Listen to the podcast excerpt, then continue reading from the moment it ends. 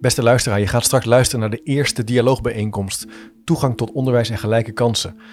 Uh, dat is een onderdeel van een, uh, een, manifest, een discussiestuk, wat is geschreven door een grote groep onderwijsorganisaties. Neem zeker ook even een kijkje op www.toekomstvanonsonderwijs.nl. Ja, straks uh, merk je dat het geluid wat anders wordt. Dan zit je midden in Den Haag bij ROC Mondriaan, een hele grote krachtige ROC-opleiding in Den Haag. En uh, in een uh, grote ruimte, in een grote kring zitten allerlei collega's, uh, leerkrachten, docenten, maar ook beleidsmakers, schrijvers van dit stuk, die aan de hand van stellingen in gesprek gaan over de toekomst van ons onderwijs. In dit geval gaan we het hebben over gelijke kansen. In het midden van de zaal uh, staat een tafel met, uh, met, uh, waar Ivar Troost, mijn collega, onder andere aan zit. Om de techniek in de gaten te houden en mee te schrijven. Maar ook aan die tafel zit um, Louise Elvers, lector kansrijke schoolloopbanen van de HVA. Een universitair docent onderwijswetenschappen bij de Universiteit van Amsterdam. HVA staat overigens voor Hogeschool van Amsterdam. Sylvia Pronk, schoolleider, interim schoolleider. En Hanke Korpershoek van de Hans Hogeschool Groningen en van de Rijksuniversiteit Groningen. Je zou kunnen zeggen ons praktijk en wetenschappelijk geweten. Um, je zult merken dat wij uh, aan de hand van stellingen in dialoog gaan over gelijke kansen. Ja, was best een beetje spannend. Het eerste gesprek wat we hebben gevoerd met elkaar over dit stuk. Dat roept natuurlijk meteen iets op. Uh, luister maar eens even mee.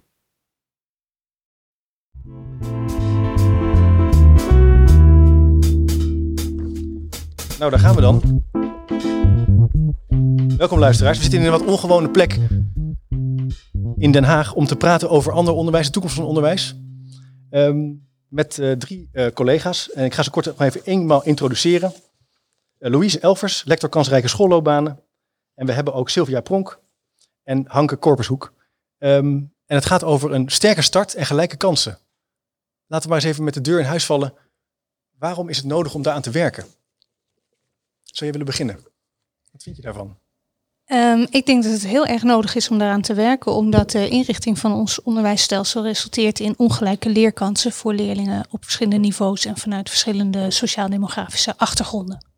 Kijk, kort antwoord. Ja. Dus het is noodzakelijk. We moeten er wat aan doen. Ja. Ben je dat uh, eens?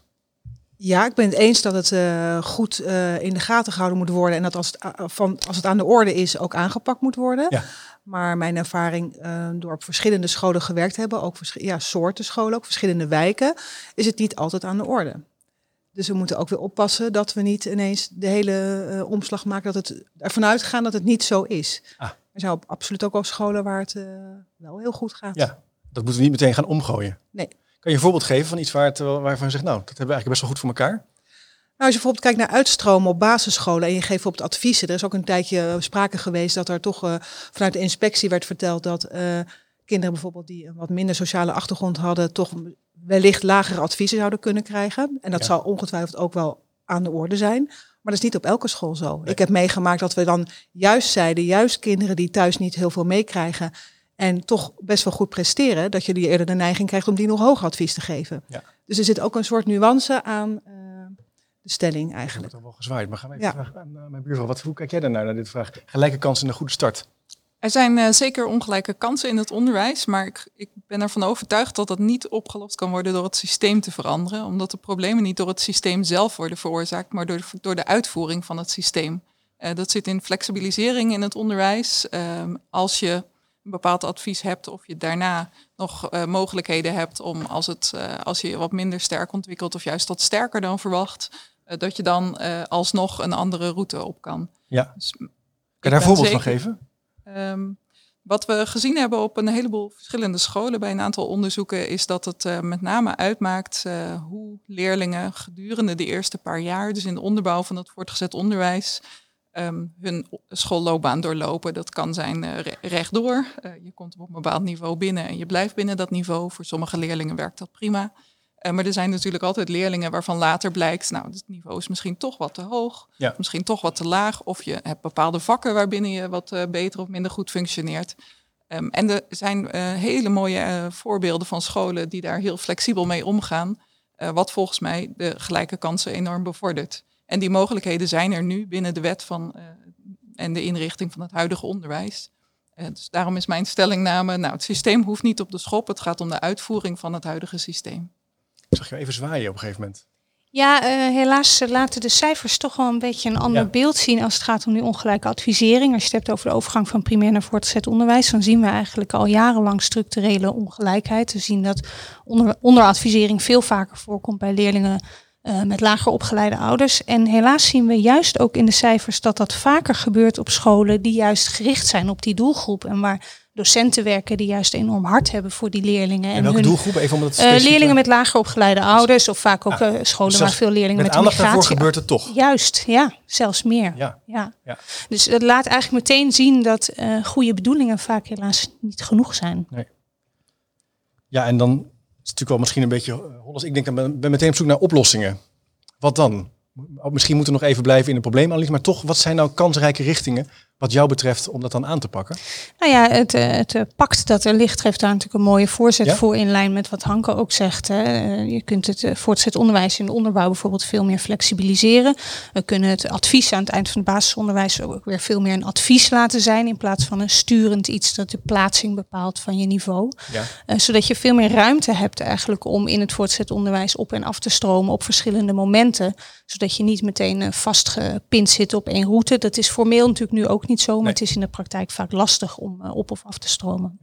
Dus wat later kiezen, niet, niet ingewikkeld maken om op en af te stromen. Ja. En uh, ook wel de constatering is dat er wat anders aan de hand is dan we misschien op, op het eerste gezicht denken met het selecteren en het in kaart brengen van kinderen. Misschien een reactie daarop? Ja, ik, ik herken wel wat dingen. En de cijfers, daar zijn jullie natuurlijk van. Hè? Ja. Wetenschappelijk ontbouwd en dat geloof ik op zich ook wel. En ik zeg, mijn ervaring is soms wat anders. Uh, ik sluit eigenlijk meer aan bij jou, bij jou Hanke, omdat ik uh, ook inderdaad onderwijsvormen heb gezien, zoals bijvoorbeeld Agora-onderwijs bijvoorbeeld, waar je dus gewoon met alle adviezen binnen kan komen en bijvoorbeeld op een HAVO-niveau uh, een wiskundetoets in groep 3 of de derde klas kan doen en misschien op VMBO-T Nederlands afstudeert ja. aan het einde. Want het ene kind hey, kan het ene beter dan het ander. Ja. Um, ik heb wel af en toe moeite, maar dan verdedig ik ook mijn collega's in het onderwijs. Terwijl ik echt wel weet dat je het onderbouwt met, met gegevens dat wij echt wel heel veel uh, nauwkeurigheid en heel veel uh, tijd en, en moeite steken met heel veel plezier om het advies te vormen. En we zijn gelukkig af van die CITO-toets die alles bepalend is. En die komt erachteraan en die kan nog een bijst voor een bijstelling zorgen. Want een kind kan zich in een paar maanden nog ontwikkelen. Maar uh, het is wel prettig als je acht jaar een kind op school hebt gehad, dat je met de collega's wel voor een heel groot deel goed kan inschatten waar zo'n kind in eerste instantie op zijn plaats zou zijn. Want ik ben ja. met je eens, ja, de puberteit gaat er overheen. Dus sommige kinderen zie je wat afzakken, sommige kinderen bloeien helemaal op. Alleen er is te weinig ruimte om een beetje terug te zakken of, of, ja. op te bloeien enzovoort. Omdat het allemaal zo gekaderd is. Is er een trend aan het ontstaan van toetsallergie? Dat heb ik wel eens het idee dat we tegenwoordig wat minder makkelijk nog hebben over toetsen. Terwijl een goede leerkracht toetst continu natuurlijk. Ja, kijk, als en, het wordt... formatief of summatief toetsen hoort, is ook een vorm van kijken waar een leerling staat. Om, om hem dat te helpen naar een uh, goede volgende stap. Als een ah, toets, even, ja. ja, sorry, eerste reactie misschien dan naar Louise. Ja, nou als een toets dat als bedoeling heeft om te kijken, goh, hoe staan we ervoor? En zelfs een CITO-toets kun je even kijken, goh, hoe staat onze school in verhouding met het landelijk gemiddelde ervoor? En dat zou zo beschouwd worden, dan, zou ik, dan is het gewoon een hele, heel prettig middel. Maar het is geen doel.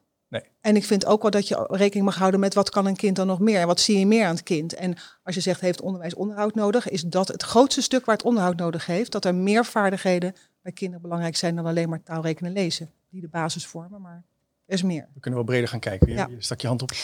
ja, nou ja, er is veel discussie over die advisering in groep 8. En dan hebben we het over de eindtoets naar voor of naar achter schuiven. Overigens is de ongelijkheid in advisering wel weer toegenomen uh, toen die naar achter is geschoven. Maar het is een uh, illusie om te denken dat daarmee de toetsen niet geen rol meer spelen in het basisonderwijs. Nee. Integendeel, het leerlingvolgsysteem gaat door alle groepen heen. leerlingen maken enorm veel toetsen en het Advies wordt ook op basis van die toets gemaakt. Dus de zorg die er was hè, van groep 8 stond helemaal in het teken van die eindtoets. En alleen maar daarvoor trainen, et cetera. Ja, wat er eigenlijk gebeurt als je die functie wat terugdringt, is dat juist de toetsen daarvoor nog belangrijker zijn gaan worden. En leerlingen daardoor weer meer voor zijn gaan trainen. Dus het idee van als we maar die eindtoets opschuiven, dan zijn we af van die toetsdruk. Daar moet wel nog veel meer gebeuren. Ja. Ja. En ook daar zou mijn reactie zijn, het is niet het systeem, dus niet de toets aan zich die het uh, probleem veroorzaakt, nee, maar het gaat erom wat we daarmee doen. Kijk, toetsen die zijn in het onderwijs, uh, hebben uh, nou, soms als doel om scholen te kunnen vergelijken, hoe ze het doen, om groepen te vergelijken. maar de primaire reden om toetsen af te nemen is dat je als leerkracht of als leraar in het voortgezet onderwijs weet waar jouw leerling staat en wat je hem vervolgens aan moet bieden om hem verder te helpen. Um, en dat is in die zin ook meteen iets wat ik in het discussiestuk heel weinig terugzie. Uh, dat um, uh, er zijn bepaalde vaardigheden nodig, differentiatievaardigheden, om om te kunnen gaan met zoveel diversiteit aan niveaus en verschillende leerlingen in de klas. Um, en, en dat wordt ontzettend onderschat. Ja. Uh, leraren geven vaak zelf ook aan, we, we, weten niet goed hoe we leerlingen goed moeten bedienen.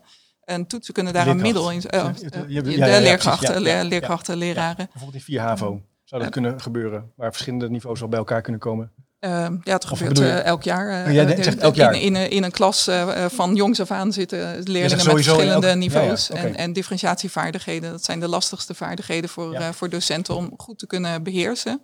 Um, en dat maakt ook dat als je um, nu in het systeem meer toe zou werken naar meer leerlingen met verschillende niveaus in één klas, dat er bepaalde randvoorwaarden voor zijn om dat goed te kunnen realiseren. En ook het goed interpreteren van toetsen, het gebruiken van toetsen. Uh, om je onderwijsaanbod aan te passen aan die leerlingen. Ja, daar ligt de kern van de oplossing, denk ik. Het is ook wel een vaardigheidsvraagstuk voor leerkrachten. Dus hoe doe ik dat? Ja. Hoe, krijg ik daar, hoe kan ik dat goed organiseren? Jij wilde daar volgens mij op reageren. Nou ja, ik ben het daar alleen maar ontzettend mee eens. Ik wil, je moet het heel erg hebben over wat vraagt het van je organisatie in je school, wat vraagt het van de leraren die het zouden uitvoeren. Uh, het enige wat ik steeds zie gebeuren in reactie ook op het voorstel nu in het onderwijspact, is dat we weer denken dat alle leerlingen drie jaar langer allemaal met alle niveaus bij elkaar in één klas zitten. En dat vraagt ontzettend veel van de differentiatievaardigheid van leraren. Maar dat is volgens mij ook niet het voorstel. Nee. Ik denk eigenlijk dat er heel weinig mensen zijn die daar echt voorstander van zijn. Misschien zijn ze hier wel, dat kan natuurlijk ook. Maar het gaat juist om de smaken, ja. smaken ertussen. Hè? Van, ja. Je hebt nu hele vroege selectie. En dan wordt er heel vaak gezegd, als je daar dus kritisch naar kijkt... ja, maar goed, dan gaan we weer terug naar de middenschool. En dat moeten we niet willen. Overigens was het oorspronkelijke plan van de middenschool ook niet drie jaar lang eenheidsworst. Het was juist ook meer gepersonaliseerde leerroutes. Daar moeten we het over hebben. Dus hè, die flexibilisering, hoe zorg je dat elke leerling op zijn eigen niveau uitgedaagd kan worden... Ja. zonder dat hij wordt opgegeven gesloten, om het maar even zo te zeggen, in ja. één route. En dat betekent dus nog steeds dat het kan dat er een uh, wiskunde plus klasje komt waar je echt de snelle wiskundeleerlingen bij elkaar hebt. En niet dat elke leraar aan de hele bandbreedte continu in één grote groep les hoeft te geven. Nog even een ander punt aansnijden over motivatie. Wat mij wel opvalt als ik op scholen kom, dat uh, middelbare scholieren soms zeggen, ja, ik vind het gewoon niet meer zo leuk. Ik word niet uitgedaagd. Ik zou willen dat ik mijn eigen leerbehoeften serieus wordt genomen. Ik kan het mbo spelen, hbo, rondom de stages. De vakken die toch veranderen, maar soms ook wel lange tijd gelijk blijven. Middelbare school zie je het ook. Aan de andere kant, ja, als ik aan mijn kinderen vraag, wat wil je graag eten? Dan eten we elke dag M&M's en uh, pannenkoeken. Soms moet je wel inhoud aanreiken. Hoe kijken jullie naar die spanning tussen motivatie, energie, zelfstandig nadenken over wat je wil leren, waar je goed in wil worden, en tegelijkertijd ook wel kennisoverdracht, vak leren of uh, goed kunnen differentiëren, om het even in wiskunde termen te gooien? Ja, wat, wat ik zelf zie is, um, een kind wil altijd leren. Alleen we vragen nooit aan ze, wat wil je leren? Of te weinig misschien. En daar zijn we nu wel een omslag in aan het maken om ja. te zeggen, wat wil jij leren? Natuurlijk zijn er bepaalde op de basisschool, ik praat ook echt vanuit het PO, uh, is er een basis aan taal, rekenen, lezen, wat je toch tot je moet nemen om de basis te hebben om dingen te kunnen lezen, te duiden enzovoort. Maar er is bijvoorbeeld ook een heel groot stuk, een stukje wereldoriëntatie, waarin je zegt, daar kun je ook de andere vaardigheden trainen. En daar kun je ook aan kinderen vragen, wat wil je leren? Ja. En uh, zei ik, je moet je ook gaan afvragen, uh, je, hebt, je hebt natuurlijk nu dat curriculumpunt uh, nu. nu. Ja. En ik denk dat, dat dat bijvoorbeeld een heel belangrijke stap is om daar eens goed naar te kijken. Om eens ook andere dingen die kinderen aan te bieden. ik bedoel, een voorbeeldje, als je wel eens bijvoorbeeld een themales geeft, je laat bijvoorbeeld iemand van een bank komen om iets over geld en dat soort dingen te vertellen. Dan heb ik eens meegemaakt bij een leerkracht. Dat was een geweldige les. En die kinderen die, vonden het allemaal interessant, moeilijke woorden, hypotheek en dat soort dingetjes. En toen zei die leerkracht tegen mij, ik, ik keek bij die les, ik kwam daar dus als directeur kijken. En die zei, ja, ik moet nu weer door, want ik ga nu de woordenschat doen met de kinderen. Want dat staat nog op het rooster. Dat is dus een, eigenlijk een soort kramp waar die leerkracht in zit. Want die moet dat hele ding afwerken. Terwijl ik denk, joh, volgens mij hebben ze net twintig woorden aangeboden gehad. En dan zijn het maar niet de woorden van de week. Daar zitten we nog heel erg in. In, die vaste, in een vast ja. terwijl je ook slimme combinaties kan maken. Ja, en om die leerkrachten daarvan los te trekken, ja. om dat te durven om te zeggen, maar ik ga ze iets anders leren wat ook heel fijn en heel dicht bij ze is. En ik laat ook een stukje los. Dat zou een enorme stap de goede richting op zijn. Maar tegelijkertijd zie ik ook dat de PABO's, de opleidingen, bijvoorbeeld daar niet in faciliteren. Nee, dus het vraagt ook wat voor de, voor de opleiding van de leerkrachten, ook een beetje wat Hanke zegt. Die zouden ook bijvoorbeeld meer kunnen leren om gedifferentieerd te werken, af en toe ja. coachend te zijn en dat ja. soort dingen. Maar dat moeten ze wel leren. Nog willen reageren? Als laatste reactie, uh, Louise even dan. In ieder geval uh, het vraagstuk van motivatie. Ja. Um, en motivatie moet natuurlijk ergens vandaan komen. We, we leggen kinderen, leerlingen elke dag iets voor wat ze nog niet weten, wat ze nog niet kunnen, wat ze nog niet hebben gehad. Uh, of wat ze al lang hebben gehad. Maar um, het is, je vraagt best wat van kinderen om elke dag zich te motiveren om iets te leren wat, uh, wat ze misschien niet zo uh, relevant vinden op dat moment. Dus ja, waar komt motivatie vandaan? Motivatie komt, komt van, van dingen die je interessant vindt, waar je iets over wil weten. Dus het heeft een soort nieuwsgierigheid nodig van wat kan ik, wat kan ik met deze kennis? Waar heb ik het voor nodig? Waar kan ik het voor gebruiken? Um, is het voor mij relevant op dit moment? Kan ik, kan ik er iets mee? Uh, of kan ik er iemand anders mee helpen? Um, en dat uh, maken we niet altijd duidelijk naar kinderen toe, denk ik. Waar, waar iets, iets zinvol of nuttig voor kan zijn in de toekomst. Uh, maar ook in het nu. want dat iets dat je inderdaad als, op een basisschool leert hoe een hypotheek werkt, is misschien wat vroeg, denk ik. Al is het interessant om ja. dat natuurlijk te verkennen. maar ja, in veel, veel opdrachten die we leerlingen geven, worden wel authentieke casussen gebruikt, maar niet per se uh, in de leefwereld waar ze op dat moment zijn. Nee. Uh, ik kan me rekenopdrachten herinneren die uh, met het realistisch rekenen opkwamen van, nou, stel je wil je, um, je parkeerplaats voor je huis betegelen, hoeveel tegels heb je dan nodig? Nou, welke, welke 10, 11-jarige is bezig met het betegelen van zijn parkeerplaats. Dus dat zijn je ziet natuurlijk altijd bij rekenen kinderen voorbeelden. de draad kwijtraken in al die ja. mooie beelden en foto's en ja. plaatjes. En dan ja, 6 plus 6 wordt dan een ingewikkelde bus. En zo, en instap en uitstap. Maar goed, dat is een andere. Ja, maar de rekenen is bijvoorbeeld ook heel talig geworden. Dus kinderen die niet zo talig zijn, die gaan stuk op dat rekenen tegenwoordig. En dat, is ook, dat zijn allemaal dingen waar je rekening mee moet houden. Ja. Misschien een laatste reactie? Ja, ik wil eigenlijk nog twee dingen zeggen. Het eerste is dat we op dit moment heel weinig keuze bieden aan leerlingen. Ik ben ook altijd heel streng als er weer wordt gezegd in Nederland kiezen leerlingen na 12 jaar of ze naar VMBO of HAVO of Nee, ze kiezen helemaal niet. Ze willen vaak iets anders dan waar ze naartoe mogen of moeten. En leerlingen zeggen dat ook. Hè. VMBO'ers die zeggen ja, we worden altijd maar als de gouden handjes aangeduid. Maar ik kan heus ook denken. En havisten en VWO'ers die best ook praktijkgericht zouden willen werken maar daar eigenlijk geen ruimte voor krijgen. Uh, maar als je dus uh, uh, veel flexibeler zou inrichten, wat is het voorstel van het onderwijspact is, hè, veel ruimte ja. hebt om verbreden, verdiepen, versnellen, uh, meer praktijkgericht, meer theoretisch. Ik ben ervan overtuigd dat dat echt niet kan zonder goede loopbaanoriëntatie en begeleiding. Dus dat je telkens met een leerling kijkt, waar sta je nu? Wat heb je nu gedaan? Hoe ging dat? Wat vond jij daarvan? Maar ook, wat hebben wij gezien, hoe jij daarin ja, functioneerde? En wat is dan de volgende stap? Waar wil jij uiteindelijk naartoe? Nou, laten we dan kijken wat dan nu nodig is in die stappen. En dat is eigenlijk in lijn met wat Hanke ook zegt, dat je dus begrijpt, ik heb dit nu nodig om uiteindelijk daar te komen. Want ik heb natuurlijk wel vaker over dit soort uh, thema's gesproken. En vaak krijg je de reactie, ja, maar dan wil iedereen zomaar naar het hoger onderwijs. Hè, en dat zou niet moeten. Nou, ik ga niemand verbieden om die ambitie te hebben. Maar het gaat er vooral om, je staat nu hier. Wat heb je nu laten zien? Wat, wat zijn dan je opties hierna? Dus ja, loopbaan, oriëntatie en begeleiding is echt essentieel om dit model te laten slagen. Oh, sorry, ja, nog een reactie. Ja. Nou, dat is wel grappig. Op de school waar ik nu interim directeur ben, in de Phoenixwijk. Dat is een hele gemengde populatie. Een afspiegeling van de maatschappij, zeg ik altijd maar. Heel mooi. En daar werken ze bijvoorbeeld niet uh, zozeer met heel veel rapporten. Ja, de cijfers en dat soort dingen moeten nog wel toch getoond worden. Dat is, in dat systeem zitten we. Ja. Maar dan werken ze met groeikaarten. En dat is eigenlijk een voorloper op wat jij zegt. Dus uh, wat heb je geleerd? Wat wil je nog leren? Wat ging er goed? Wat ging er niet goed? Uh, wat zijn je doelen voor de komende tijd? En zo leren kinderen wel op die manier te denken. En wij geloven kinderen ook. En elk gesprek met ouders is altijd met kinderen erbij vanaf de kleuters. Kijk, en dan betrek je die kinderen ook heel erg bij het leerproces. Maar zo'n soort portfolio zou je dus mee kunnen nemen naar je middelbare school. Ja, dat zou, dus dat, daar komt dat punt van leven lang leren natuurlijk naar voren. Dat je eigenlijk je leven lang vakken kan blijven kiezen, door kan blijven gaan met je bekwame professionaliseren. en dat kunnen ze al heel vroeg. Oké. Okay. We kunnen zo nog een uur doorpraten. Een functie heeft. Sorry. Nou, waar een schooladvies dus ook een hele logische functie heeft. Het is heel logisch dat een school aan het eind, aan het eind van het basisonderwijs zegt... nou, dit hebben we de afgelopen jaren gezien. Zo we je dus nu over naar het voortgezet onderwijs. Maar dat is een heel andere rol in zo'n portfolio dan zeggen... dit was het en nu ga je naar die route en dan zit je daarop vast. En dan rekenen we de voortgezet onderwijsschool ook nog af... als het daarna toch niet helemaal op dat niveau bleef. Dankjewel. Voor nu, laat ik het even hierbij. Jullie blijven nog even aan tafel zitten, zodat we af en toe nog even jullie reactie kunnen vragen op basis van de stelling. Hartelijk dank voor deze eerste introductie op het thema. Dan ga ik even met de microfoon uh, rondlopen. Mevrouw, misschien ook even zeggen uh, wie je bent en wat je doet, zodat we dat even in ons achterhoofd hebben. Ja, ik ben uh, vrouwtje Hoobroeks.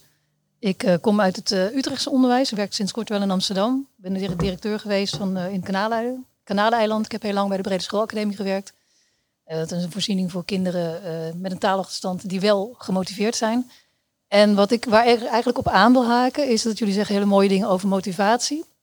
Um, ik denk dat uh, het fenomeen ambitie veel meer een rol zou moeten krijgen in het onderwijs. En dan heb ik het niet over beroepskeuze, eh, eerzucht en dat soort zaken. Maar dan heb ik het over wat, niet zozeer wat wil je leren, maar wat wil je doen, wat wil je kunnen, wat wil je bereiken, wat wil je bewerkstelligen. Ik neem even het voorbeeld van de hypotheek. Ja. Ik kan me voorstellen als je begint met van, goh, wie, wie zou later graag een eigen huis willen?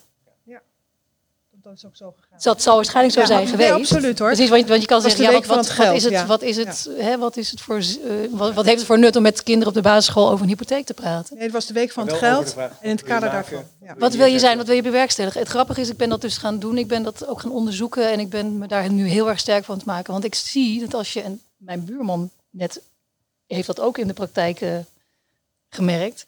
Als je vanuit eh, ambities van leerlingen, hoe klein ook, gaat werken, dan gaan leerlingen aanstaan en kunnen opeens dingen waarvan je echt niet dacht dat ze het konden. En ik denk dat als je steeds de verbinding kan maken van, wat jij ook zegt, je, je kunt uitleggen aan een leerling waarom je iets leert.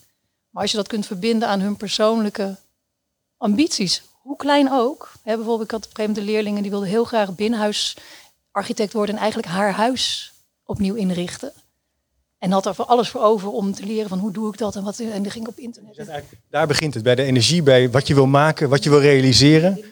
En dan is het leren een resultaat. En in, natuurlijk in het onderwijs, nu gaat het wel heel vaak over leren als taal. Hè? De leerkuil, eh, reflecteren. Het zijn allemaal hele mooie onderwijswoorden. Allemaal nodig. Maar jij zegt, het begint met iets wat je wil maken. Ga even kijken. Ja, laatste punt. Ehm, ik ben het 2,5 jaar geleden om dit fenomeen te onderzoeken. Ik heb ingetoetst op internet, is toch best groot. Leren, eh, sorry, leerlingen ambitie. Ik kreeg nul hits. Mijn essay staat er nu wel op. Dus Kunnen we, kunnen we gaan lezen. We gaan hem even linken ook op de website. Ehm, als je het hoort, aan de andere kant van de zaal. Niet als tegenstelling, maar even nog een reactie hierop. Is er iemand die zegt, nou, dat ambitie is wel belangrijk, maar het zit toch even anders, meneer? Misschien ook even zeggen wie u bent. Ja, Albert Strijker, eh kom uit Kennemerland, Haarlem en omgeving. Heel lang leraar geweest, nu bestuurder. Wij, eh, wij volgen al heel erg lang volgen wij, eh, leerlingen van begin basisschool tot eind VO, statistisch. Ehm, en dan zie je scholen eh, in wijken met hoger opgeleide ouders die vrij systematisch overadviseren. En eh, scholen in wijken met lager opgeleide ouders vrij systematisch onderadviseren. Wij hebben eh, scholen voor beroepszicht VMBO. Daar komen veel van die ondergeadviseerde leerlingen terecht. En daar gaat het met hun ambitie fout. Want wat je daar ziet, is dat ze in een onderwijstype komen dat eigenlijk onder hun niveau zit. Dat de uitdaging weg is. Je ziet eigenlijk hetzelfde met leerlingen die van het VWO beginnen af te stromen. Die blijven vaak door afstromen. Omdat als, die, als de wil eruit is, als de ambitie eruit is, dan is de draai weg en dan is er op straat genoeg te beleven. Dan krijg je het ook moeilijk in je klas hè, als leerkracht, als docent. Oké, dat even als reactie. Eh, dank u wel. Misschien kunnen we... Ah, Hank, ja, Daar- even reactie. ja, ik zou zeggen, daar, daar wil ik wel graag op reageren. Want dat is inderdaad ook wel wat we, wat we in diverse onderzoeken hebben gezien. Op het moment dat, eh, eh, dat we met, de- met de docenten in het voortgezet onderwijs in gesprek zijn gegaan hierover en ook met leerlingen, dan zie je dat niet alleen de leerling gaat geloven dat hij een, een VMBO-T-leerling is of een HAVO-leerling, maar dus de docenten gaan dat ook geloven van dit is een VMBO-T-leerling. En, en dat is dus ook hoe ik hem ga behandelen. Ehm, en nee, dat is inderdaad of ambitie of aspiratieniveau. Eh, dat is iets wat eh, ehm, een verantwoordelijkheid is van, van, de, van de school, van de ouders, van de leerlingen. Om te zorgen dat, eh, dat een leerling altijd het idee kan blijven hebben. om een andere route te kiezen op het moment dat hij nou ja, meer of misschien minder of praktijkgerichter of theoretischer wil als dat, als dat mogelijk is binnen zijn, zijn capaciteiten. Ja. Dus ik kan dit alleen. Je zegt Eh, met de vroege selectie is dat ingewikkeld. En met de hiërarchische indeling ook. Ja, op je elfde word je in zo'n hokje geschoven en daar zit je dan. Nou, ik het voorstel om daar nog even mee te wachten. Dus dat is op zich, daarmee zeggen jullie dat is wel een kansrijk idee. Dat zou problemen kunnen oplossen. Is best wel een uitdaging, maar het idee is sterk. Ja. Maar, maar dat zie je ook wel, eh, de overgang van VO naar een beroepsopleiding. Ja. Ik ken toch wel ook mijn eigen dochters. Heel veel kinderen die één jaar iets doen en dan, nou nee, toch niet. En dan weer iets anders. Die zijn ook zoekende. Daar is die LOB zo ontzettend belangrijk. Ja. Ja, Ik ga even nog een reactie vragen. Ja. Nou ja, ik ben van de ROC Mondriaan en eh, binnenkort niet meer. Dan ben ik met pensioen. Maar die laatste periode, dan ga je nog eens wat dieper kijken. En dan kom ik bij een voorlichtingsbijeenkomst op een 4TL-klas. En dan zitten ze dus drie maanden voor een eindexamen en twee maanden voordat ze zich moeten opgeven bij een mbo-opleiding. Drie kwart heeft geen idee. Geen idee. Waarom? Ze zijn met 999 andere dingen bezig dan met school. Dus de propositie dat loopbaanoriëntatie en begeleiding op die leeftijd leidt tot een keuze waar men ook aan vasthoudt, daar waag ik te betwijfelen. Ga ons allemaal zelf na. Ik heb ook een verkeerde studiekeuze gemaakt. Alleen in die tijd was het nog wel gebruikelijk dat je hem afmaakte. Tegenwoordig niet meer. Er waren zelfs kinderen die zeiden: meneer, ik neem een tussenjaar. 4 TL, hè? Ik neem een tussenjaar. Kon helemaal niet, want ze zei 16. Maar dat is wel de mentaliteit nu. Dus men kiest makkelijker en men stapt makkelijker over. En de vraag is of het idee dat kinderen al op die leeftijd kunnen kiezen een juist idee is. Mag ik daarop reageren? Um, sowieso is het gewoon een illusie. De, die term wordt zo ontzettend veel gebruikt. De juiste leerling op de juiste plek. Wie bepaalt er wat, die, wat de juiste plek is en bestaat die wel? Dus ik ben het daar ontzettend mee eens. Het idee dat je uh, hoe je ergens hier of daar gaat sleutelen en dan hop vallen ze opeens in het juiste vakje. Dat is er niet. En in reactie op het punt dat net werd gemaakt. Wij leven, we bewijzen het beroepsonderwijs in Nederland een ongelooflijk slechte dienst door leerlingen op basis van cognitief prestatieniveau ofwel uh, met hun handen ofwel met hun hoofd begaafd te achten. En dan krijg je dus de boodschap dat je naar het VMBO gaat en dat staat onderaan in het systeem en dat wordt als negatief ervaren. Leerlingen willen dan heel graag naar de HAVO, niet omdat ze heel graag uit de boeken willen leren, maar omdat dat weer toegang geeft tot het hoger onderwijs. Dus ik ben er heel erg van overtuigd dat als we beroepsgericht onderwijs meer een keuze kunnen laten zijn, dan een, uh, op basis van de positie in de hiërarchie, dat we het beroepsonderwijs daar ook mee versterken en die leerlingen en de beroepen daarmee ook. Dankjewel. Ik kom zo bij, Hank. Ik wil nog even één keer naar de zaal gaan, dan gaan we naar de stellingen. Even kijken of er nog een reactie is op basis van dit punt. Ja, meneer. Loop ik even zo, uh, een beetje onhandig even voor jullie. Misschien even zeggen wie u bent. Ja. Mijn naam is eh, Ronald Cox. Ik werk bij het Landelijk Kennisinstituut Cultuureducatie en Amateurkunst. Dus we houden ons bezig met cultuureducatie uh, voor alle onderwijssoorten en ook buiten het onderwijs. Uh, ik ben het niet eens met de, opmerking dat het niet aan het systeem ligt, maar aan de toepassing ervan. Want het systeem kent wel degelijk hele grote fouten. Uh, en het begint al bij de basisaanname dat je kinderen uiteenzet of, of ordent, zeg maar, op basis van leeftijd, niet op basis van ontwikkeling en capaciteiten. En als je dat maar vol blijft houden, een heel, uh, zeg maar, 14 jaar lang, dan blijf je die fout erin zetten. En dan gaan leerlingen zich ook gedragen naar die fout. Namelijk, ik gedraag me naar mijn leeftijd in plaats van naar mijn talenten en mijn capaciteiten en mijn ontwikkeling. Dus ik denk dat daar de basis al zit. Naast het feit dat we weten dat bijvoorbeeld de schoolvakantie van zes weken, die heeft een negatieve invloed op de kinderen uit laag zes uh, gezinnen, dus uit het laag sociaal-economisch milieu. Uh, die lopen daar telkens een achterstand op. Dus onderzoek toont aan dat school eigenlijk hetzelfde toevoegt aan iedere leerling, maar de vakanties zorgen ervoor dat de hoge zes leerlingen daarin weer een sprong en ontwikkeling maken die de lage zes leerlingen niet maken. Dus het systeem van een zesweekse vakantie zorgt ook al voor uh, onderscheid in kansen voor leerlingen. Dus daarmee heeft het systeem al meerdere fouten uh, die kinderen die uh, talenten hebben niet tot een recht laten komen. Dank u wel, heel duidelijk. Punt van leeftijd en punt van schoolvakantie. Hank, ik weet niet of je hierop wil reageren. Want uh, jij ik kan er, voor je hand, maar misschien toch even een reactie Ik kan er heel kort op reageren. Nee, het is inderdaad zeker, zeker zo dat, um, dat we nu een soort vast stramien van ontwikkeling lijken te hanteren. Uh, maar een, een, leerkracht die uh, goed differentieert, zou daar goed mee om moeten kunnen gaan. Dus ook al maak je de overstap naar een eerste klas, uh, um, als je in je ontwikkeling op bepaalde gebieden minder ver bent, dan een goede leerkracht zou daarmee om moeten kunnen gaan. dat zou mijn reactie zijn. Maar ja, goed, daar kunnen we heel lang over discussiëren. Meneer, steek u nog even één keer een tegenreactie, want ik vind het toch wel even interessant om dit punt even uit te diepen. Ik heb eigenlijk een hekel aan de NS1-bewijsvoering, maar doe het toch een keer. mijn eigen dochter um, is nogal hoogbegaafd. Uh, kwam op een gegeven moment uh, na eindeloos veel plusklasjes van computergestuurde lastechnieken naar schaken, naar ontwerpen, naar weet ik wat allemaal. Die zei uiteindelijk in de vier VWO van ik ben het zat, al die extra dingen, ik wil gewoon naar het vervolgonderwijs. Dat bleek gewoon in het onderwijssysteem niet te kunnen. we wisten gelukkig zoveel van onderwijs af dat wij een illegale route hebben gevonden met medewerking van een aantal schooldirecteuren, maar die eigenlijk buiten de wet en buiten de mogelijkheden waren omdat wij toevallig die mogelijkheid kenden en niet de school. Differentiëren zou moeten kunnen, maar het is niet altijd mogelijk. Nog even een laatste reactie. Uh, ik ben eigenlijk ook wel met, met jou eens, want uh, ook in basisonderwijs, ja, we, moeten differentiëren. Dat, dat, dat doen we in principe ook, hè, met afpellende instructies en dat soort zaken. En wat tutor leren, allemaal, allemaal dingetjes die we bedenken om toch kinderen die het wat moeilijk hebben te helpen. Maar er is natuurlijk ook een paar jaar geleden passend onderwijs bijgekomen, waar je dus ook echt nog in een klas van 28 misschien nog twee kinderen moet bedienen die misschien niet op een plek zijn of overprikkeld zijn of noem maar op. Dus het is nogal wat wat we van de leerkrachten vragen in hun eentje. Een groep van 28 met alle probleempjes. Uh, nou, nou, ja, ik wil het geen problemen noemen. Aanpassingen die je zou moeten doen, uitdagingen, uh, dat te kunnen. Ik vind dat wel best een uh, hele grote vraag. Ik snap wel wat je bedoelt, maar het is niet te doen in deze omstandigheid. En dat vind ik dan toch het systeem. En het differentiëren zal misschien alleen maar toenemen. De, de, de routes. Ja. Meer worden dan minder worden. Ja. Dus dat, maar goed, ik zag jouw hand uh, omhoog gaan. Ja, ik heb een uh, publicatie geschreven die met de titel Het is het stelsel stupid. Dus ik ben het zeer eens met dat het wel degelijk in het systeem ligt, zit. Voor een deel. Er kan heel veel binnen het stelsel, daar ben ik het helemaal mee eens. Ja. Maar een individuele leraar of een individuele school is niet de eigenaar van het probleem van kansenongelijkheid in het Nederlandse onderwijs. En dat kun je ook niet verwachten. Natuurlijk kun je een uh, leraar helpen om uh, minder bias te hebben als dat nodig is bij de advisering of om beter uh, te differentiëren. Of je kunt nadenken over hoe scholen minder met elkaar concurreren om de beste leerling. Maar er zit een vraagstuk op stelselniveau dat je niet op het bordje van een individuele docent of een school kunt leggen, want dan gaat het gewoon niet gebeuren.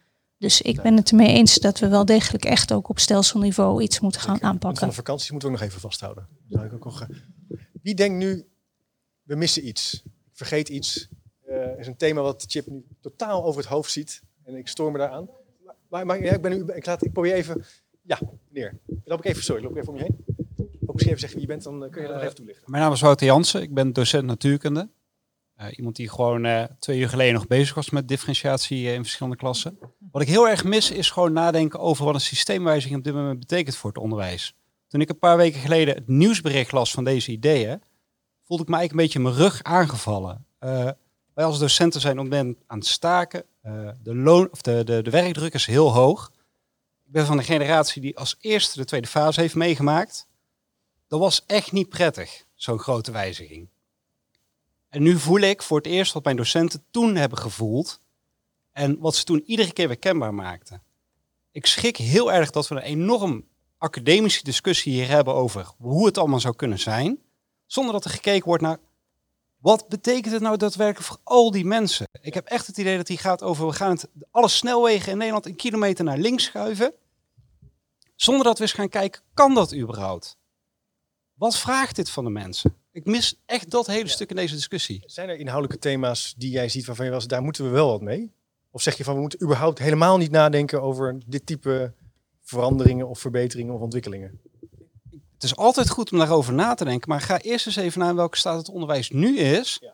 En zorg eerst eens dat daar daar structureel onderhoud gewoon aan de basisding wordt gepleegd voordat je naar een, systeemwijziging gaat. Ja, we gaan even kijken naar, van onze tafel wat ze daarvan We willen er allemaal heel graag op reageren.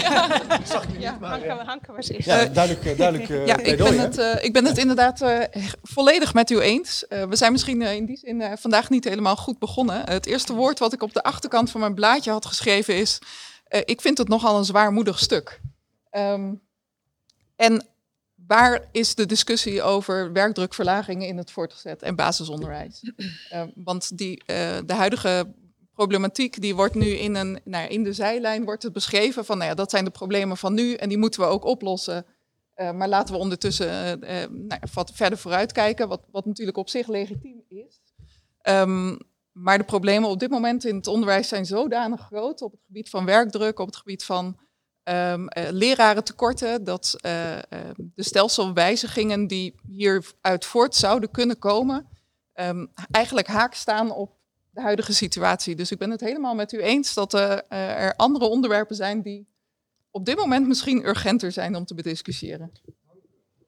Geef een reactie daarop. Ja, ik ben het daar niet mee eens. Ik vind dat de ongelijkheid in schoolloopbanen zo ongelooflijk groot is in Nederland dat we dat nooit moeten gaan negeren, omdat er ook nog andere problemen spelen. Maar ik begrijp wel heel goed wat er gezegd wordt.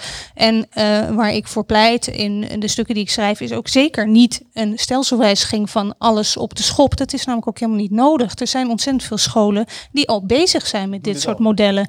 Dus ik zou het heel erg willen wegbewegen. Ik vind het ook altijd heel moeilijk als we het hebben over het systeem wat is dan het systeem en wat valt er allemaal onder? Um, er zijn heel veel scholen die mogelijkheden zien binnen het huidige stelsel om wel degelijk die flexibilisering door te voeren. Mooie good practices, leer daarvan, ook van waar ze tegenaan lopen. En daar waar scholen zeggen, ja, maar nu kom ik dus niet verder. Hè, nu willen wij iets bieden En dat gaat niet. Daar moet het stelsel mee bewegen. Volgens mij is er niemand die pleit voor laten we eens even de boel lekker helemaal Nee, op de schop omgooien. afbreken en weer helemaal opnieuw ombouwen. We moeten het wel niet uit angst voor het woord stelselwijziging wegkijken van problemen die wel degelijk in dat stelsel zitten. dat staat nu centraal. En daarvan Ja. zeg jij, Dat, dat kan echt, dat kan ja, dat meer. Is te daar groot in Nederland. Ik vind echt dat we dat niet, hoe groot alle andere problemen dus ook ook zijn, zijn, het is gigantisch ja, dus urgent. dat zou, is natuurlijk altijd is de neiging ook wel soms in tegenstellingen te gaan denken. Maar het zou ook allebei kunnen zijn. Waar kunnen zijn. Nou, misschien we- werkt het aan het een werken het andere Ja, ook nog wel eh, positief in de Laten we hand. kijken of we dat punt nog wat verder kunnen gaan verkennen. eh, door naar een stelling te gaan. Je merkt, Ivar eh, typt druk mee. En de stelling is als volgt. Door uitstel van definitieve selectie tot ongeveer 15 jaar geven we alle leerlingen een eerlijke kans. Ik bedoel hier niet mee, als je nu eens bent, dan ben je voor de rest van je leven hiermee eens. Maar even als gedachteoefening, ben je daar groot voorstander van? Zeg je ja, dat vind ik. Of zeg je nou, dat vind ik niet. Ik ga zo vragen wat je ervan vindt. En dan gaan we op basis daarvan een tweede of derde ronde van het gesprek in. Dus door uitstel van definitieve selectie tot ongeveer 15 jaar geven we alle leerlingen een eerlijke kans. Wie zegt, daar ben ik voor? Ik durf mijn hand wel op te steken. Ik vind dat er...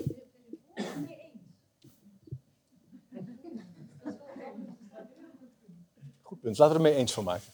Ja. Je ziet, er is veel invloed, veel ruimte voor invloed. Bent het mee eens? Wie is het ermee eens? Nog even één keer de vingers, alsjeblieft. Kijk, er zijn 1, 2, 3, 4, 5, ja, dat is toch wel de helft, een beetje half. Wie zegt, nou, ik ben er wel mee eens, maar mm, een beetje, een beetje half-half?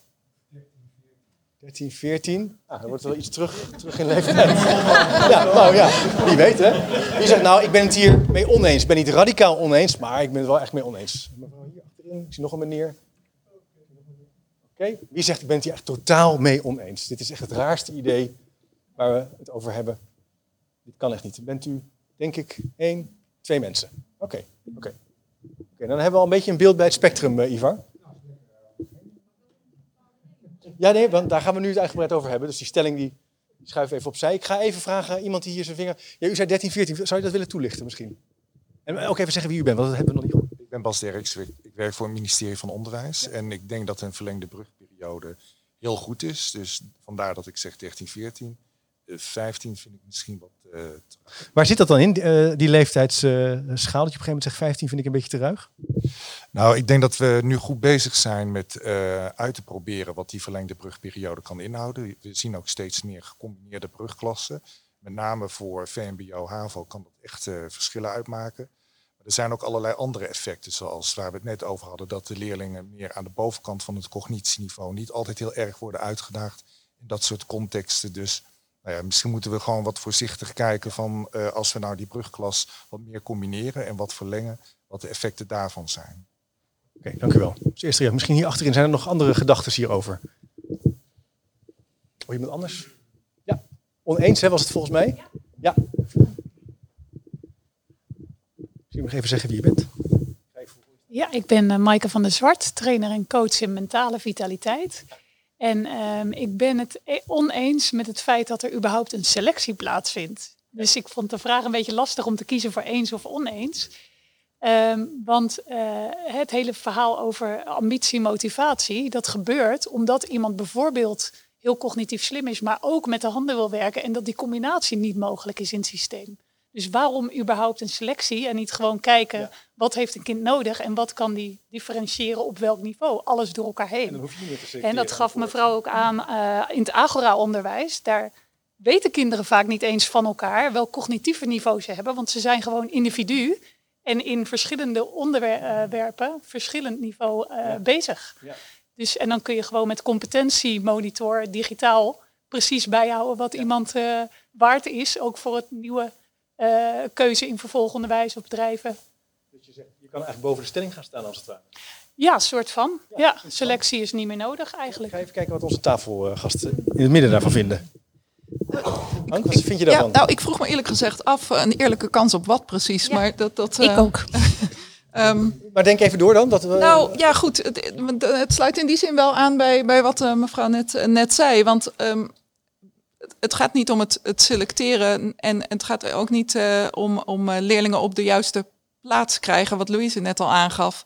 Um, het is niet helemaal duidelijk wat we precies beogen met het voortgezet onderwijs in deze stelling. Ehm, want ook het einde van het voortgezet onderwijs is nou ja, niet een eindstation. Ik denk dat uh, vrijwel iedereen hier in de zaal een heel andere route uiteindelijk heeft gelopen dan misschien ooit, ooit bedacht of ooit gestart. Um, en ook de cognitieve niveaus waar we het over hebben, um, HAVO en, en VMBO, VWO, dat, dat leidt wel op tot een bepaald type hoger onderwijs of tertiair onderwijs. Um, daar, daar kunnen we een discussie over houden of dat er op die manier zou moeten zijn. maar ook dat bepaalt niet hoe je uiteindelijk gaat functioneren en op welk nou ja, cognitieve niveau je uiteindelijk je werk doet, je werk uitvoert. De meeste beroepen zijn veel gevarieerder dan dat. En er zitten taken in die, uh, um, die je op, met een bepaald cognitief niveau zou moeten kunnen doen. Um, maar ook aan, beroepsvaardigheden die misschien op een heel ander niveau functioneren. dus niemand zijn beroep is 100% op één niveau. Ook een, een, een iemand die een universitaire opleiding heeft gedaan, is niet de hele dag met, met academische dingen bezig. Um, dus je, je functioneren in de maatschappij uh, hangt niet aan één vast niveau. Um, duidelijk, duidelijk, punt. Maar ik ben nou even benieuwd hoe jullie daar nou, kijken. Ik heb ook nog wel de vraag, want je kan zeggen, uh, ik hoor een verlengde brugklas.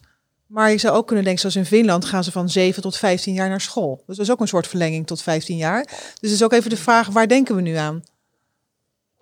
Daar kan je ook iets van vinden. Nou, dat blijkt heel goed te werken. Maar dan moet je het ook wel helemaal anders in gaan richten. Want we zien ook kinderen in groep 8 die er gewoon klaar mee zijn met de basisschool. En die willen gewoon naar de volgende stap. Dus als je zoiets zou willen. Dus de vraag is even, gaan, ga je de basisschool verlengen? Of ga je uh, op, op het voortgezet verlengen? Nou, dat is precies wat ik ook zei. Eh, uitstel van selectie in de zin van iedereen nog, nog drie jaar lang hetzelfde onderwijs eh, moet je volgens mij niet doen. En volgens mij is dat ook niet het voorstel in het onderwijspact. Uh, ik had ook moeite met de term eerlijke kans. Wat is eerlijk? Dat is een normatief begrip. Hè? Waar, waar, waar lees je dat aan af? Maar volgens mij gaat het om leerkansen bieden. Opportunity to learn. Dat je iedereen de kans geeft om zich aan de hand van onderwijs naar ambitie en potentie te kunnen ontwikkelen. En die ambitie ligt niet vast en die potentie weten we ook niet zeker op 11, 12-jarige leeftijd. Dat weten we inmiddels natuurlijk ook uit meer onderzoek dat het echt nog niet zo vast ligt. Dus laten we het dan ook niet vastpinnen. Dus ja, in die zin, als het gaat om leerkansen bieden, ben ik enorm voor uitstel van selectie. Maar met die stelling had ik ook wat moeite om uh, mij daar te kunnen plaatsen. Nou, ook omdat je zegt eerlijke kansen, dan ga ik toch opkomen voor mijn collega's. Alsof het nu oneerlijk is. Misschien is het onwetendheid waar we over misschien dingen baseren, maar het is niet oneerlijk. Mag ik nou misschien nou, iets toevoegen, even gerelateerd aan die stelling? Er zijn, ook wel, er zijn ook wel onderwijskundigen die zeggen, ja, eerlijke kansen bereik je door goed, uh, goede instructie te geven, klassikaal onderwijs te geven, zodat je kinderen goed leert rekenen, goed leert schrijven, goed een brief leert schrijven. Dat is de manier om vooruit te gaan. En kinderen die in een leerplein terechtkomen, of die, waar veel meer eh, wordt gevraagd in termen van reflectie, die kunnen dat niet. Aan de onderkant zullen ze wegzakken en zullen het niet redden. Dus je hebt niet altijd, hè, de oplossing is soms bijvoorbeeld Agora wordt dan wel genoemd, maar dat is niet voor iedereen een goede leerweg. Hoe kijken jullie daar dan naar? Uh, nou, we hebben uh, een aantal jaar geleden een heleboel scholen in Nederland uh, bezocht. En we hebben gevraagd hoe bevorderen jullie gelijke kansen? En wat doen jullie daaraan? hoe richten jullie dat in? En hoe heb je de onderbouw in het voortgezet onderwijs ingericht om daar nou, handen en voeten aan te geven? En het interessante was dat we, uh, we hebben uh, middenscholen, varianten daarvan bezocht. We hebben scholen met homogene brugklassen bezocht. Uh, we hebben scholen met heterogene brugklassen gezocht of alle varianten en variaties daartussen. En stevast vertelt elke school ons dat zij maatwerk willen bieden en gelijke kansen willen bevorderen. Ja. dus de visies over hoe je gelijke kansen bereikt lopen mijlenver uiteen. Um, en ook daar denk ik dat je binnen elk, elke variant van het systeem best gelijke kansen zou kunnen bevorderen. Het ene systeem is daar misschien iets, uh, nou ja, geeft daar iets meer ruimte voor dan het andere. Um, maar in principe is, uh, um, is het binnen de scholen wel degelijk het idee dat het systeem wat zij hebben vaak wel het systeem is waarvan zij denken dat dat gelijke kansen bevordert. Oké, oké. Okay. Maar dat is precies waar we volgens mij dus vanaf moeten. Uh, natuurlijk zijn de bedoelingen goed, maar als je gewoon ziet, en dan daarom zeg ik het is wel oneerlijk, als je gewoon ziet dat leerlingen bij een gelijk prestatieniveau ongelijk geplaatst worden in het voortgezet onderwijs, afhankelijk van het opleidingsniveau van je ouders, dan is het gewoon een oneerlijk systeem. En dan heb je het gewoon over ongelijkheid. En jullie hebben het niet over gelijke kans, maar eerlijke kans. Ik denk dat dat ja, je zou ook dus, een moeilijk ja. woord, maar gelijke kansen bestaan niet. Maar we kunnen wel daar waar we in het onderwijs echt zien, hier wordt structureel ongelijkheid gefaciliteerd. In ieder geval moeten kijken of we dat kunnen verbeteren. En er zijn meerdere aanwijzingen dat stelsels die laten selecteren dat gewoon beter doen. Duidelijk. Laten we daarvan leren. ja, ik ik heb heel erg de neiging om ehm, even inderdaad boven deze stelling te gaan staan. Omdat het volgens mij gaat het helemaal niet zozeer, niet zozeer om het selectiemoment, maar gewoon om van wat wordt er nou eigenlijk gedaan in het VO. Ik heb zelf in het basisonderwijs en in het VO lesgegeven. Ik eh, ben, ben ook een leraar Nederlands. Ehm, wat ik zie, ik, ik heb heel, heel veel gewerkt met kinderen met een taalachterstand. Taalachterstand en gelijke kansen, dat zit, dat zit heel dicht bij elkaar. Dat heeft heel veel met elkaar te maken. En wat ik merk is dat kinderen met ehm, een bepaald cognitief denkniveau, maar bijvoorbeeld met een taalachterstand, soms nog niet op hun cognitieve denkniveau kunnen presteren, omdat ze nog die taalachterstand hebben. En dan heb ik het over een taalachterstand in het Nederlands. Hè. Ik bedoel, Ze kunnen misschien heel mooi in andere taal spreken. Precies. Uh, wat er gebeurt op het moment dat je op je twaalfde wordt doorverwezen, op basis van wat je dan kunt laten zien, heb je dus misschien een heel groot stukje potentieel nog niet benut, omdat je nog steeds die taalachterstand hebt. Mijn ervaring, maar er zitten hier mensen die nu ook in het VO werken, is dat um, eigenlijk met die taalachterstand dan niet zo heel veel meer gebeurt eenmaal als je eenmaal op het VO zit. Is misschien niet waar, dus ik hoor graag dat het niet waar is. Ja, maar ook niet in het basisonderwijs hoor, maar dat er zijn. Nou ja, oké, okay, ja. precies, maar, maar, maar laten we ervan uitgaan. Nou ja, weet je, dan, dan zit je daar, maar dan heb je nog wel een andere onderwijsbehoefte dan die andere kinderen. Dus je kunt het hebben over gelijkheid enzovoorts, maar je zit met een onderwijsbehoefte op het gebied van taalachterstand. Hoe taalbewust kunnen leraren in het VO lesgeven? Hoe kunnen zij omgaan? Hoe kunnen zij die les ontsluiten voor kinderen die dat wel aan zouden kunnen als ze die taalachterstand niet hadden? Ik zag uw buurman knikken. Wilt u daarop reageren misschien? Ja, ja. Uh, Kees van Bergijk, ik ben uh, bestuurder van het Martinus College in Grotebroek. En dat is een hele brede scholengemeenschap. En zet het over ambitie. Uh, aspiratie vind ik ook een heel mooi woord trouwens. Ehm, wat bij ons gebruikelijk is, A, die taalachterstanden zijn hartstikke belangrijk. Dus het meten van, van hoe je staat in, op taalniveau, daar, daar, dat meten we en daar wordt wat aan gedaan. Dat is één. Twee, is bij ons kunnen leerlingen ehm, elk vak kiezen in elke opleiding die ze maar willen. Ze volgen een opleiding als ze binnenkomen en volgen daarna vakken in een andere opleiding. En dat doen ze gewoon samen met een mentor uh, uitzoeken hoe dat dan gaat. En dat geeft enorm veel aspiratie uh, om ook in de andere vakken goed te presteren. Want als je dat niet doet, dan kun je dat andere vak niet volgen. En dat geldt zowel voor VWO-leerlingen die aan het lassen zijn, als, als VMBO-leerlingen die, ik noem maar wat, Spaans op VWO-niveau aan het volgen zijn. En dat is gewoon mogelijk binnen het stelsel. Maar het zou nog mooier zijn als dat, ja, als het niet zo vast zit aan al die, aan al die opleidingen. Ik vind, het heel, ja, ja, en ik vind het heel erg zielig voor kinderen die naar een categorale school moeten. en, ik zeg, en ik zeg met, over de uitstel, uh, zeg ik ja, ik weet niet of 15, misschien is het wel 17. Ja. Hè, dat, dat, het gaat inderdaad over de groei van, van het kind, daar ben ik het volstrekt mee eens. En ook elke keer duwen we het kind in een weg en dan komt er niet meer vanaf. Oh, en het begint al bij de voorschoolse opvang, overigens. En, dat, en dat gaat maar door, gaat maar door.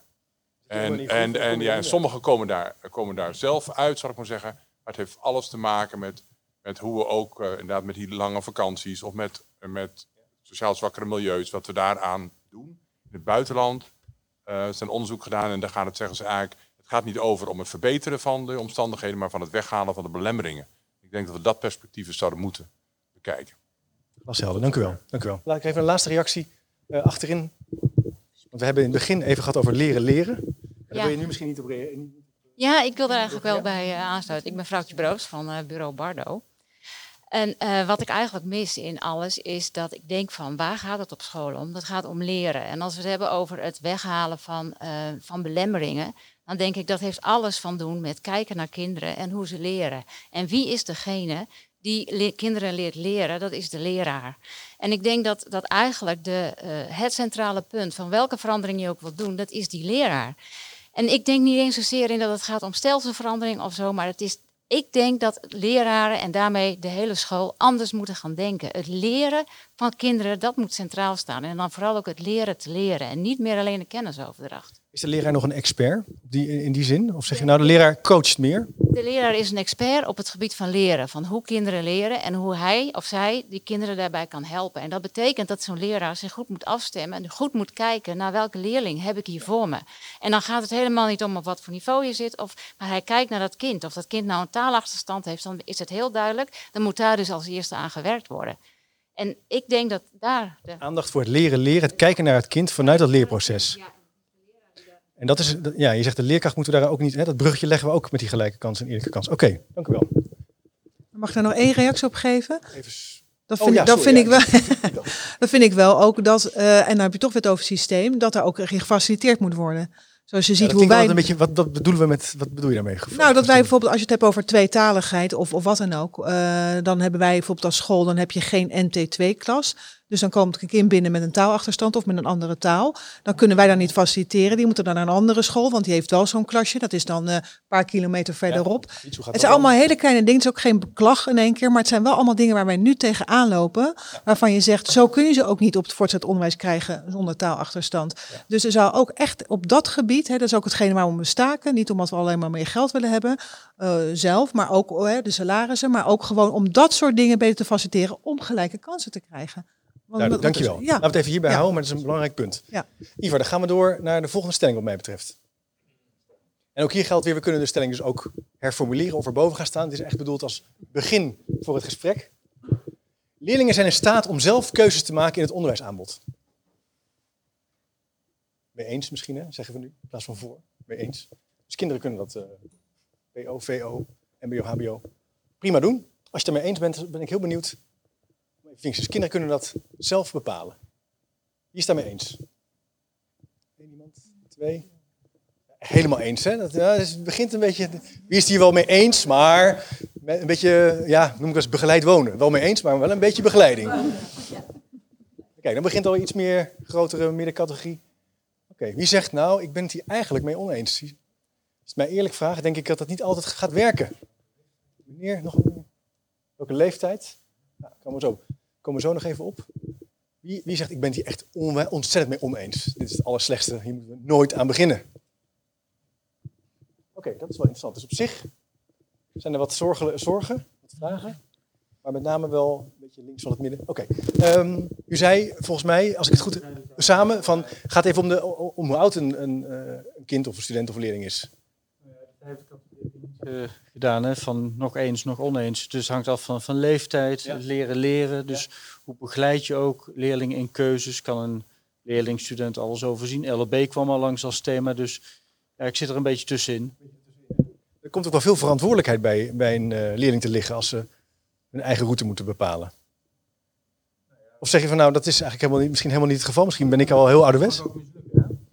Ja, je mag ook een keus maken en denkt van, bedoel, ik wil helemaal niet lassen of ik wil helemaal geen Spaans. eh, dat. Maar hier, ik vind het heel interessant om in dit project betrokken te zijn. Want ik heb heel veel studenten ontmoet die zeggen, ja, maar er zit wel druk op. Ik, kan, hè, ik voel druk. Ik kan niet zomaar een jaar aanrommelen, want dan heb ik geen geld meer. Ik moet werken, eh, ouders. Dus er zit wel druk op. Het aspect van de peer group, eh, wat ik sowieso even wil naar voren brengen, in relatie ook tot die differentiatie, waar we allemaal de mond vol van hebben.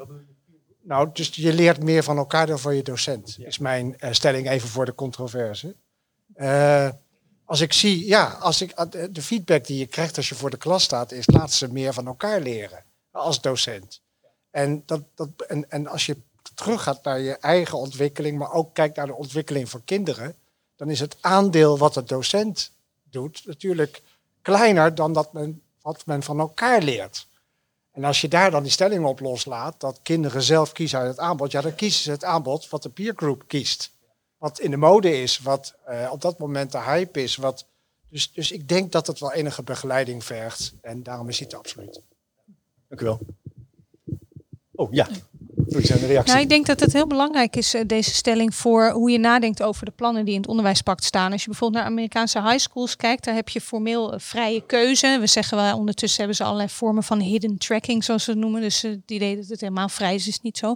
Maar het vraagt, je krijgt toch weer sociale ongelijkheid, doordat het kennis en informatie van het onderwijssysteem vraagt. En vooral, welke keuze moet ik nu maken als ik later ooit naar de universiteit wil, bijvoorbeeld.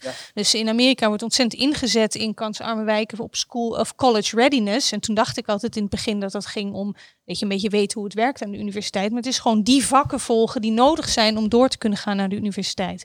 Dus als je leerlingen bijvoorbeeld midden in de puberteit laat kiezen, dan denk je nou laat dat moeilijke wiskunde maar lekker zitten, want daar heb ik nu geen zin in. Maar ja, dan baal je misschien later wel weer. Dus daarom zeg ik loopbaanoriëntatie en begeleiding Ja, is zo essentieel. samen Ze weten best waar hun interesses liggen of waar bepaalde ambities liggen, maar Daarvoor moet je ook weten wat er te koop is in de wereld. Maar dan heb je wel iemand nodig die met jou meedenkt van wat zijn dan nu de stappen om te zetten. Want we zien dus eh, bijvoorbeeld in zo'n Amerikaans model dat je toch weer allerlei sociale ongelijkheid krijgt naar de kinderen die weten deze vakken moet ik nu achter Dus het elkaar kiezen om straks naar de universiteit te kunnen of niet. Ja. Duidelijk, duidelijk. Mooi punt. Nou, even één zin, dat, eh, dat Agora-onderwijs, wat we nu noemen, dat, is- dat is echt wel een, een heel vernieuwend iets, vind ik. Ik heb pas een hele presentatie van gehad.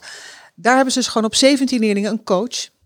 Ja. En er worden vakleerkrachten ingehuurd om gewoon de vakken op een gegeven moment wel zo te doseren dat je nog ex- examen kan halen. Dat is een hele mooie eh, mix, want daar zitten we ook nog. Je moet ook een examen halen. Maar juist dat eh, die coach die 17 leerlingen in de gaten houdt, omdat we natuurlijk ook wel weten dat eh, misschien elk mens, maar zeker ook jonge mensen, toch wel een soort kader nodig hebben.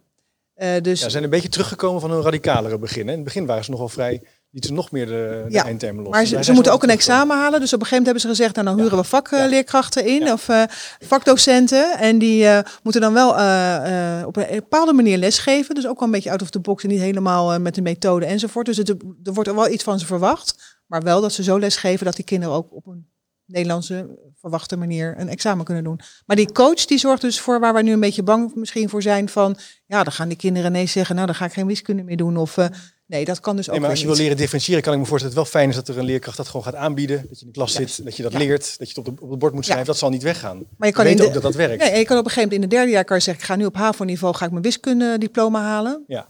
En misschien een paar jaar later doe je een ander. De- En die keuze, dat tempo, dat vind ik dus eigenlijk heel aantrekkelijk. Dat past ook bij de kinderen van nu. Dat was een hele andere vorm van differentiëren die jij nu eh, noemde dan waar we het over hadden. Dat is wel heel verwarrend. Ja, we gaan even terug. Maar ik zag wel even wat geknik net op basis van... die- Wil iemand nog reageren op de stelling? Eh, heeft er nog een... of Hebben we daarmee alles gezegd? Kijk, ja mevrouw. Ik heb Nog één aspect wat ik een beetje mis. Kijk, als, als kinderen en leerlingen zelf kiezen, dan zijn ze zelf ook wat meer verantwoordelijk voor wat ze gekozen hebben. En je ziet, eh, in het VMBO eh, wordt er nu met beroepsgerichte keuzevakken gewerkt. En dan, dat geeft een hele andere dynamiek, want, want ze, leren, ze kiezen daar zelf voor. En dat geeft een andere verantwoordelijkheidsverdeling. Want je kunt dit heel erg vrij interpreteren, hè, zelf keuzes maken. Maar als je zeg maar keuzes binnen kaders, kan echt al heel veel betekenen. Het punt van verantwoordelijkheid, ja, mooi punt. Ja. Dat je daarmee ook iets anders voelt dan... Ben je eigenaar ervan? Daar begint het wel mee. Dat werd ook hier aan de andere kant even gezegd. Dat, daar, daar start het leren mee. Ja. Even kijken. Daarop Ja, reageren? ja, tuurlijk, ja. Eh, daar ben ik het mee eens. eh, waarbij ik wel wil benoemen dat het, ehm, het werd net ook al even genoemd, het, het idee dat je een keuze moet maken, eh, levert mensen, ook jongeren, maar ook volwassenen, maar vooral ook jongeren, levert stress op, levert druk op. omdat zij ook zelf denken dat ze een goede keuze moeten maken. En dat voor jongeren op dat moment helemaal niet duidelijk is wat een goede keuze is. Eerlijk gezegd weten we dat zelf misschien ook niet altijd goed. Ehm, en eh, ehm, als je leerlingen keuzes geeft, dan moet dat inderdaad binnen bepaalde kaders, waarvan nou, wij als, als professionals kunnen zeggen, eh, dit zijn ehm, handige keuzes. Ehm, hier eh, kun je misschien eh, later je brood mee verdienen. Dit past bij je wat je kan, wat je interessant vindt, wat je leuk vindt. En daarbinnen kun je alle kanten op. En je mag er ook wel van afwijken, maar dit is wat wij je adviseren. Dit zou volgens ons bij jou passen. Hank, zou je dat Ehm, kunnen leren? Leren kiezen, dus Ja, zelfreguleren. ja, ja, dat- vermogen. Is dat- iets dat wat je kun je zeker ontwikkelen? leren, ja. Je zou kunnen zeggen, namelijk, je kan het ook afleren. Dat je op een gegeven moment niet meer weet hoe dat werkt in een schoolsysteem. Omdat alles wordt voorge... Nou, dat is heel grappig. Ik ben zes jaar eh, eh, directeur geweest op een Dalton basisschool. Waar kinderen dus de keuze hadden, ga je samenwerken? Waar ga je dan werken? Je weektaken doen? Heb je instructie nodig? Wil je een vraag stellen of niet met een blokje? Dus heel veel vrije keuzes. Het ene kind gaat er beter mee om dan het andere. En onze ervaring is dan op een reguliere eh voortgezet onderwijsschool werd het afgeleerd.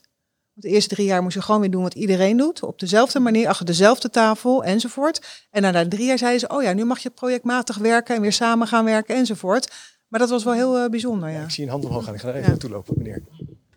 Waar triggerde u op? Nou ja, ten eerste excuses van dit wordt een NS1-verhaal, eh wanneer aan mijn linkerkant. Maar ik heb vroeger ook op zo'n school gezeten, niet op zo'n school, maar op een eh, Montessori-school. En daar zat ook een reguliere klas bij en daar zat ik toevallig in. En dan was je toch wel een beetje het kneusje, want hè, samenwerken en, je, je, je tijd indelen, dat was het helemaal. Ik denk dat je op moet passen van eh, eh, one-size-fits-all oplossingen. Want uiteindelijk is het ook aan de ouders om een keuze te maken voor de school die eh, past bij hun kind. En het kind kan het ook zelf aangeven. We hebben vrijheid van onderwijs, waardoor je dus een Dalton school mag stichten, maar ook gewoon eigenlijk een zeg maar even aardsconservatieve reguliere school kan stichten. En het ene is denk ik niet per se slechter of beter dan het ander. Uh, en dat zou ik in, in dit kader zou ik dat ook zeker zien. Keuzes, ja, de ene leerling kan er beter mee omgaan, af, afhankelijk van allerlei factoren. Je kan, je kunt dus ook kiezen. Je kunt kiezen, ja, ja, ja. In, in een praktijk, je ouders hebben daar natuurlijk ook, ook een flinke stem in. Um, en uh, ja, je kunt prima op een school zitten waar je niet uh, overladen wordt met keuzes. Maar dat kan voor sommige leerlingen denk ik heel veel rust geven. En anderen zullen het juist heel graag hebben. Duidelijk. Ja, maar de vraag is of ouders de keuzes kunnen maken. Ja, we gaan nog even, even door. En, uh, Maak ja. Nou, um, ja, ik, wat ik, nou daar, daar ben ik dus helemaal geen voorstander van. Ik denk dus dat het ontzettend belangrijk is om, kijk, je moet volgens mij niet aan kinderen vragen wat wil je leren, maar wat wil je, wat wil je? En dan moet je denk ik vanuit je overview als leraar of school zeggen: Oké, als je dat wil, dan ga ik jou helpen om dat doel te bereiken. Dus ik weet wat je moet leren om dat te kunnen. Maar ik ben heel blij dat je die loopbaanoriëntatie zo noemt. Want kinderen in een achterstandssituatie hebben niet vaak alleen een, een onderwijs, extra onderwijsbehoefte op gebied van taal, maar ook op gebied van ervaringen. Uh, op Kanaaleiland. Horizontverbreding. Waar, waar, ja. Horizontverbreding. Horizontverbreding. De, de, ja. de uh, wijk waar ik gewerkt heb, daar uh, hadden kinderen op school zitten die gewoon hun hele leven nog niet de wijk uit waren geweest. Kinderen in de, in de brugklas die nog nooit in een trein gezeten hadden. Hoe kun je weten wat je wil als je bijna geen ervaring hebt over wat er te koop is in de wereld? Daar zou in het basisonderwijs, elk onderwijs, veel meer aandacht aan, veel meer ruimte voor moeten zijn, voor, juist voor deze kinderen. Ga met deze, kinderen echt op stap, laat ze de wereld zien. En ik heb een voorbeeld van een, van een jongen um, uh, die um, een vlotte babbel had. Zijn ouders hadden zo, jij moet de sales in, want daar kan je, daar kan je geld verdienen. De jongen ging naar een salesopleiding, werd diep ongelukkig, zakte af, stroomde af, uh, drop-out. Werd opgepikt door een buurtcoach die zei, ga maar met me mee, ik ben buurtcoach, ik ga praten met de kinderen. En die jongen kwam erachter, ik heb een vlotte babbel en ik wil kinderen helpen. Maar zijn ouders hadden niet gedacht, van, oh ja, jij moet nu jongerenwerker gaan worden, of zo. Maar daar kwam hij op een gegeven moment door die ervaring kwam hij erachter, oh maar hier ligt mijn hart. En ik denk dat de kinderen dat ook nodig hebben om heel veel te zien van de wereld, om te weten wat ze nou eigenlijk echt willen en niet wat ze zouden moeten willen van hun ouders of vanuit een peer group of vanuit de status, weet ik veel. Ja. Meer zien van de wereld, zodat je ook beter wordt in kiezen. Kinderen, de, kinderen in die achterstandssituatie hebben vaak niet die ervaring, waardoor ze die keuzes makkelijk kunnen maken. Dankjewel. Dankjewel. Ja, de vraag is wel of je dat altijd, waar ik altijd een beetje, ik ben helemaal met je eens. Hè? En ook 21 ESO vaardigheden gaat over de binnenwereld naar buiten en de buitenwereld naar binnen. Dus de kinderen wereldburger maken enzovoort. Burgerschap, ik ben het er heel erg mee eens. Maar ik vind wel, elke keer hoor ik dat er wel uh, heel veel bij de basisscholen wordt gelegd. Of bij de school wordt gelegd. Hè, ik bedoel, er is ook een stukje opvoeding. We zijn steeds meer bezig met opvoeden, gedrag, ja. dat soort zaken. Fietsen, geen uh, limonade, drinken, sportweken. Nou, veel gesprekken met ouders die het niet begrijpen ja. of verlof willen. Of allemaal dat, soort, ja. allemaal dat soort dingetjes waar heel veel energie naartoe gaat. En uh, dit ook weer denk ik, ja, ik ben het helemaal met je eens, maar uh, kom op. Uh, maar de docent hoeft dat ook niet allemaal uit te voeren. Ja hoor. Dat zijn natuurlijk, nee, ja, nu. Maar ja, dat zou niet zo hoeven zijn. Dat zijn natuurlijk nee, typisch dingen waar, waar ja. andere Misschien nog even, jij wilde heel graag daar nog even reageren. Ik heb uh, interviews gehouden met, met uh, mensen en ik weet nog een van de mooiste uitspraken die ik hoorde was: het zou de ambitie van ouders moeten zijn om de daadwerkelijke ambitie van hun kind te leren kennen. Ouders hebben hier natuurlijk een ontzettend belangrijke rol in. Alleen die ouders hebben vaak ook niet de middelen en de, en de kennis en de know-how van hoe, hoe doe ik dat. Dus het is echt een kwestie van, het is echt een maatschappelijk probleem eigenlijk. Ja. Het is geen onderwijsprobleem. Ook niet de motivatie helaas. Want ik heb op achterstandsscholen gewerkt en dan kwamen ze ook niet. Dan, dan organiseerden we koffieochtenden en dat soort dingen om die ouders ook lekker een beetje mee. Of we gingen een keer een, een uitstapje doen met ze om hun ook een beetje in beweging te zetten. Maar die druk speelt niet alleen bij laagopgeleide ouders. Ik weet ook, ik heb uh, zelf tijdens mijn studietijd bijles economie gegeven. Dat waren studenten die toch graag hun entree-toets wilden halen, omdat ze toch graag naar de universiteit wilden. Terwijl, als je eerlijk was, zat het niet altijd erin. Dus het gebeurt op alle vlakken, gebeurt dit. Dat soort dingen inkomen, mijn vader heeft gedaan, et cetera, et cetera. Dus het is niet alleen op die kant van niet je wijk uitkomen. Laten we even kijken of we de stelling hiermee verkend hebben. We kunnen nog zeker een keer een uur over praten. Maar zijn er nog punten dat je zegt, ja, dit zijn we vergeten. Ik wil dit punt nog echt even toevoegen. Een gedachte. Ja, misschien als, als, uh, ja. als laatste hierover. Um, doordat je leerlingen meer zelfkeuzes laat maken, dat kan wel ontzettend ongelijke kansen in de hand werken. Dus ja. in die zin is het wel Um, het kan heel goed werken. Ehm, maar er zit wel een zeker risico aan, juist eh, vanwege dat sociaal kapitaal, wat uh, misschien uh, kinderen van hoogopgeleide ouders wat meer hebben, waar ze op kunnen steunen, waar ze informatie uithalen. Oké, okay, dankjewel. Ivar, is het gelukt? Ik kan zo een samenvatting geven. Ja. oh, ik zie nog iemand. kan je nog even aftypen? Ja. Mijn naam is Pieter Duisenberg. Ik ben voorzitter van de VSNU. Ook, ook meegeschreven, meegedaan aan dit, stuk. Uh, ik ben het heel erg eens met dus die, die kanttekening van uh, het LOB, van dus de, de, begeleiding. En dat was ook wel een van de ja, grote discussies die we hebben gehad toen bij het opstellen van het stuk.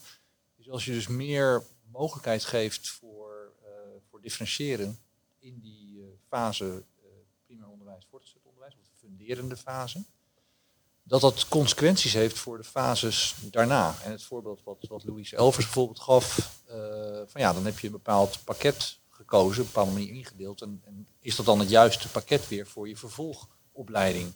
En ik zou daar eigenlijk gewoon de sprekers willen vragen om eens te reflecteren gewoon op hoe zij vanuit hun uh, kennis, hun expertise daar tegenaan kijken.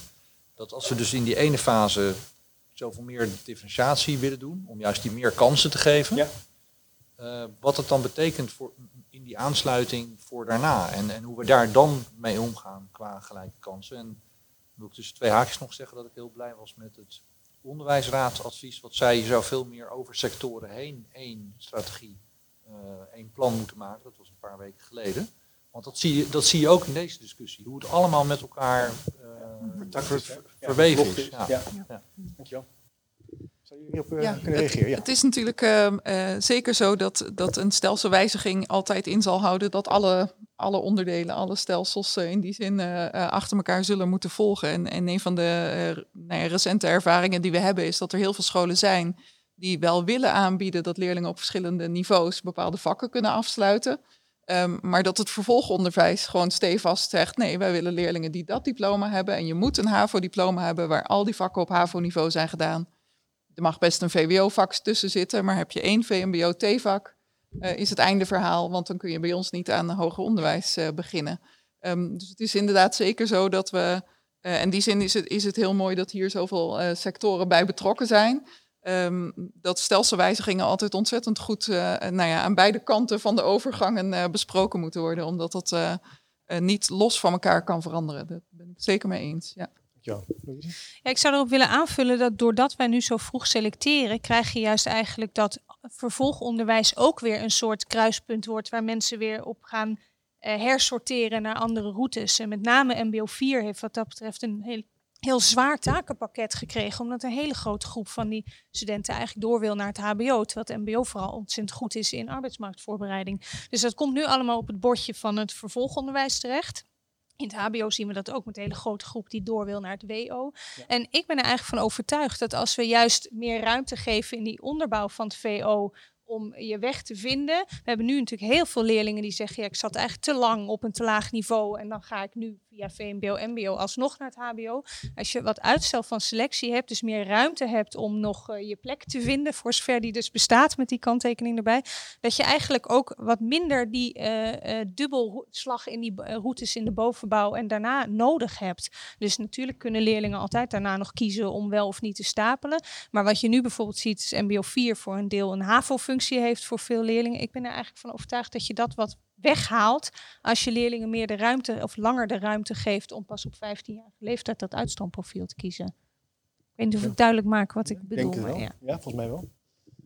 Zou je erop willen reageren? Ja, ik, ik, weet niet of het helemaal bij aansluit, maar het is misschien een beetje wat we bedoelen. Dat, uh, dat de deuren dicht gaan als het niet ja. helemaal is zoals het moet. Ja. En dat is bijvoorbeeld een voorbeeld met de PABO, met de bekende rekentoets. Waar dus gewoon echt heel veel mensen hebben gezegd, nou ik ga het niet doen, dat ga ik die rekentoets ga ik niet halen. Nou is het natuurlijk wel zo dat er een bepaald rekenniveau verwacht moet worden van iemand die les gaat geven. Maar op die manier uh, wek je toch een soort angst op, waardoor heel veel mensen die keuze niet meer hebben gemaakt. En nu is die weer ter discussie. Uh, uh, nu staan er veel onbevoegden voor de klas. Dus ik denk dat we dat al eerder, dat soort dingen moeten tackelen. Dat hele van, dat, dat moet je kunnen om die opleiding te doen. Dat zijn ja. hele specifieke zaken die misschien niet uh, te maken met geschiktheid van leerkracht. Ja, je hebt een norm, aan de andere kant kan het ook afschrikkend werken. Ja, want het zou je ook nog in vier jaar op de Pabo kunnen leren. Als je niet zo heel goed kan rekenen. Kan je op dat moment niet is iets anders dan ingangsniveau. Ja. Ja. soms als je iets wil, kan het ontzettend uh, motiverend zijn. Ja. En het is echt een pittige toets. Ik heb ook op mijn 35 heb ik hem gedaan. Ik heb er heel veel moeite mee gehad. Dat is gewoon zo. Dat is gewoon lastig. Ja. Nou, punt van de rekentoets ook nog even besproken. even kijken. Veel over te zeggen.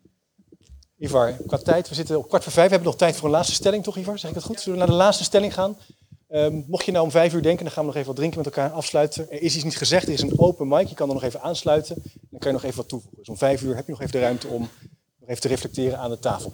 De laatste stelling. Door een breed modulair aanbod met vakken op verschillende niveaus zijn leerlingen gemotiveerder. Door een breed modulair aanbod met vakken op verschillende niveaus zijn leerlingen gemotiveerder. Wie zegt nou, daar ben ik het ontzettend mee eens. We kunnen niet vroeg genoeg beginnen. Oh, kijk eens even. Ja, duidelijk. Zou je kunnen beschrijven wat je ziet? Oh ja, dat, is, ja, dat heeft Ivan mij verteld. Ik zie dus een, uh, ik zie meer dan de helft uh, handen ver omhoog gaan. Is dat zo goed? Uh, een soort luisterboek. Ja. Even, wie zegt nou, ik ben er wel voor, maar ik ben gematigd voor. Mij betreft. Oké, dat is wel. Wie is neutraal? Oh, ik, ik zeg gematigd voor twee mensen. Wie is neutraal? Ik heb hier geen opvatting over. Is tegen? Ik zie twee mensen, drie mensen. Wie is radicaal tegen? Wie zegt dit is echt een slecht idee? Doe het niet. Niemand. Oké. Oké. Even degene die in eerste instantie wat weerstand hadden op deze stelling. Zeg, ik ben tegen. Even één keer de handen. Wie waren dat? Ik zag achterin een meneer. Wie ook? Nee? Kan je eens toelichten? kan je eens toelichten wat, wat, wat zit in je hoofd? Nou ja, de vraag gaat specifiek over motivatie. En uh, ik lees hierin dat het ook dus vak op laag niveau zouden moeten zijn. Ik denk dat dat is wat, uh, wat de bedoeling is. Uh, dan is wel de vraag, kijk, motivatie werkt op zich, keuzes werken motiverend. Maar dan zouden denk ik wel keuzes uit vrije wil moeten zijn. En je zou in, in mijn opzicht hier wel voorzichtig mee moeten zijn dat je makkelijk leerlingen een lager vak op laag niveau laat doen die met wat extra hard werken of misschien wat extra aansporing of hulp uh, het, het vak op eigen niveau misschien prima aan zouden kunnen. Uh, en het is misschien meer een gedwongen keuze als ze zeggen van nou doe jij wiskunde maar op TL-niveau. Uh, want ja, dan kan hij misschien kan hij net zo goed een vijf halen. Weet je? Dat, dat mag ook. Ehm, ik ben nu niet persoonlijk niet per se tegen. Um, maar het is ook niet een, een, wonderdoekje. Ik. Nee, geen wonderdoekje. Maar Louise had haar hand ver omhoog. En of. Toch? Je was niet de enige hoor, maar kan, zou je dat uh, kunnen toelichten? Nou ja, volgens mij hebben, is deze stelling heel erg in lijn met wat we natuurlijk al eerder hebben besproken. Dat je gewoon meer ruimte hebt om zelf uh, keuzes te maken in lijn met je ambitie en potentie, mits je daar goed bij begeleid wordt. Ja. Okay. Nou, duidelijk. Ja. ja. Even wat andere voorstanders. Hier wil je nog op reageren, meneer? het bijzondere van wat we nu doen is dat we kinderen die diplomeren we op het laagste niveau dat ze in de breedte aan kunnen. Want zodra er een TL-vak bij is, dan kun je dus niet meer naar de HAVO, niet meer naar het VWO. En je zou graag willen dat je kinderen op alle vakken, en dat kan dus alleen als je het modulair doet, tot het hoogste niveau dat ze kunnen. En natuurlijk moet je daarbij begeleiden. En dan vervolgens kijken wat dat betekent voor het vervolgonderwijs. Ja. En je hebt die vakken op dat niveau gehaald. Je bent, eh, niet iedereen is over de volle breedte goed. Je hebt disharmonische kinderen, heel goed aan de, aan de exacte kant of aan de talenkant. Daar wordt nu, nu laten we het helemaal weglopen. We doen er niks mee. Als je het niet in de breedte hebt, jammer joh. Wat zou je dan kunnen doen? Nou, door het modulair aan te bieden, hè, dat je zegt van nou, je mag ieder vak mag je doen en we begeleiden je daar goed bij. Je mag ieder vak doen naar het hoogste niveau dat jij halen kunt. En vervolgens gaat uh, het vervolgonderwijs, Pieter gaf al een beetje een uh, voorzet daarvoor, gaat kijken van nou, wat hebben wij voor de TU nodig? Uh, en dan is het misschien zo dat je met een aantal vakken op HAVO-niveau, maar die exacte op VWO-niveau, of misschien wel boven VWO-niveau, dat je daarmee heel goed je talenten prachtig verder kunt brengen. Even aan de overkant. Zou ik me vragen, zou dat kunnen? Zo'n stap. Is dat ontzettend ingewikkeld? ja, ik overval je een beetje, maar als je het zo aanhoudt, denk je dat dat mogelijk is? Is dat een enorme stretch? Nee, dat, dat is, ik denk dat het is aan elkaar, uh, het zit met elkaar verbonden. Dat zei je. Dus als je, als je die keuze maakt in die fasen daarvoor, ja. dan, uh, dan krijg je dus in het vervolgonderwijs, dus in mijn geval bij de universiteit, dat je, dat je inderdaad daar gaat zeggen van nou, voor deze opleiding moet je, uh, zijn het deze modules op deze niveaus die, die je dan gedaan zou moeten hebben. Ik bedoel, daar moet je meer gedifferentieerd, want je hebt niet meer dat er een VWO-diploma is wat, wat de toegang eh, eh, geeft. Want dat, want, want is niet meer een, een, een specifiek eh, ding. Dus ik denk, waar het eerder, dus waar voor mij de grote vraag zit, voor zou het kunnen, dat is in de vraag van meneer Daar, is nou, het is misschien niet precies hoe u het heeft gezegd, eh, is maar wel van, eh, eh, kan het? En kun je het met leraren, kun, je het kun je dat bereiken om, om die differentiatie, om dat mooie beeld, waar ik ook voor was, heel voor ben, om dat mooie beeld om dat eh, te bereiken. En er zijn voorbeelden hier van scholen waar dat blijkbaar heel goed eh, gaat, die daar, die daar al mee werken met heel veel differentiatie. Ehm, maar ja, dit, dus dit beeld, dat, dat zou mijn vraag zijn van wat is daarvoor nodig om dat met, eh, dus, eh, dus, eh, met leraren en ook wat lerarenopleidingen dan zouden moeten kunnen doen. En wat je dan kan vragen. En, en hoe ja, dus, dus wat, wat, daarvoor, wat, wat daarvoor nodig is. Voor je snelle antwoord, hartstikke, hartstikke fijn. Ja, wat is er voor nodig? Wat vraagt van de, van de opleiders? Wat vraagt van de school? Nou, dat is nogal een De is een grote vraag. Maar goed, vraag. dit is ook een groot stuk. Eh, er zijn een aantal belangrijke thema's staan erin. Kun, kun je daar eens op reflecteren? Ehm Louise? Oh ja, ja, ik wou alleen maar zeggen, er zijn natuurlijk echt nog veel meer. We hebben nu steeds over Agora en er zit daar ook iemand in Ja. de zaal. Maar er zijn nog veel, Veel, meer ja. voorbeelden van scholen. Dus het is niet alleen maar één, één bijzondere school die dit al doet. Roermond, Maar ik ben het er wel mee eens dat het ontzettend goed zou zijn om die good practices eens wat structureler bij elkaar te brengen. En ik zeg good practice, maar die hebben natuurlijk ook regelmatig hun neus gestoten of gemerkt van nou dat werkte niet. De grap is dat als ik met schooldirecteuren praat die dit doen, dat de dingen die ik denk dat heel ingewikkeld zouden zijn, zoals bijvoorbeeld roostering, te zeggen, oh maar dat is echt helemaal niet het Nee, probleem nee. bijvoorbeeld. En ook hier weer hebben we het steeds over differentiëren en daar ben ik van, van overtuigd dat dat belangrijk is. Maar laten we niet steeds in de valkuil stappen dat we denken dat je van VMBO basis tot en met VWO alsmaar in de klas hebt en dat elke leraar aan alle niveaus les hoeft te geven. Dus dat is misschien ook wel niet nodig. Maar de vraag wat, wat moet er in je organisatie gebeuren en vooral wat heeft een leraar nodig om daarin Dat te kunnen doen. te functioneren is denk ik echt En er zijn dus veel plekken waar het gebeurt. Ja. Waar het goed gaat. Ja. Dat kunnen we ook Nou ja, en bijvoorbeeld in de gemeente Amsterdam wordt nu een eh, brede brugklasbonus gegeven. Dus daar gaan wel eens onderzoekers natuurlijk bovenop zitten. Want de scholen die daar dus nu een verandering doorvoeren, dat is natuurlijk interessant om te zien. Wat doen zij? Waar lopen ze tegenaan? Wat zijn de resultaten? Duidelijk. Ja. toch even, ik zag. Ja, voor het, eh, voor het verkennen en het, en het eh, kiezen als school, waar je, hoe je daarin wil staan, of je met een eh, good practice van een andere school, of je daarmee verder wil, er is natuurlijk tijd en ruimte voor nodig. En, en eh, wil dan toch nog even terugkomen op het punt wat net achter mij gezegd werd eh, eh, door een van de leraren hier aanwezig. Eh, dat op, dat op dit moment op sommige scholen die ruimte er simpelweg niet is.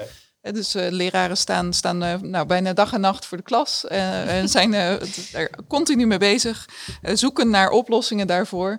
Ehm, en het verkennen van, van een heel ander systeem wat ze binnen de wet op dit moment kunnen realiseren, dat, daar, nou, daar gaat tijd overheen. Daarvoor moet je eh, met elkaar eh, regelmatig om tafel gaan zitten, praten, nadenken. Wat willen we eigenlijk? Wat is onze visie erop?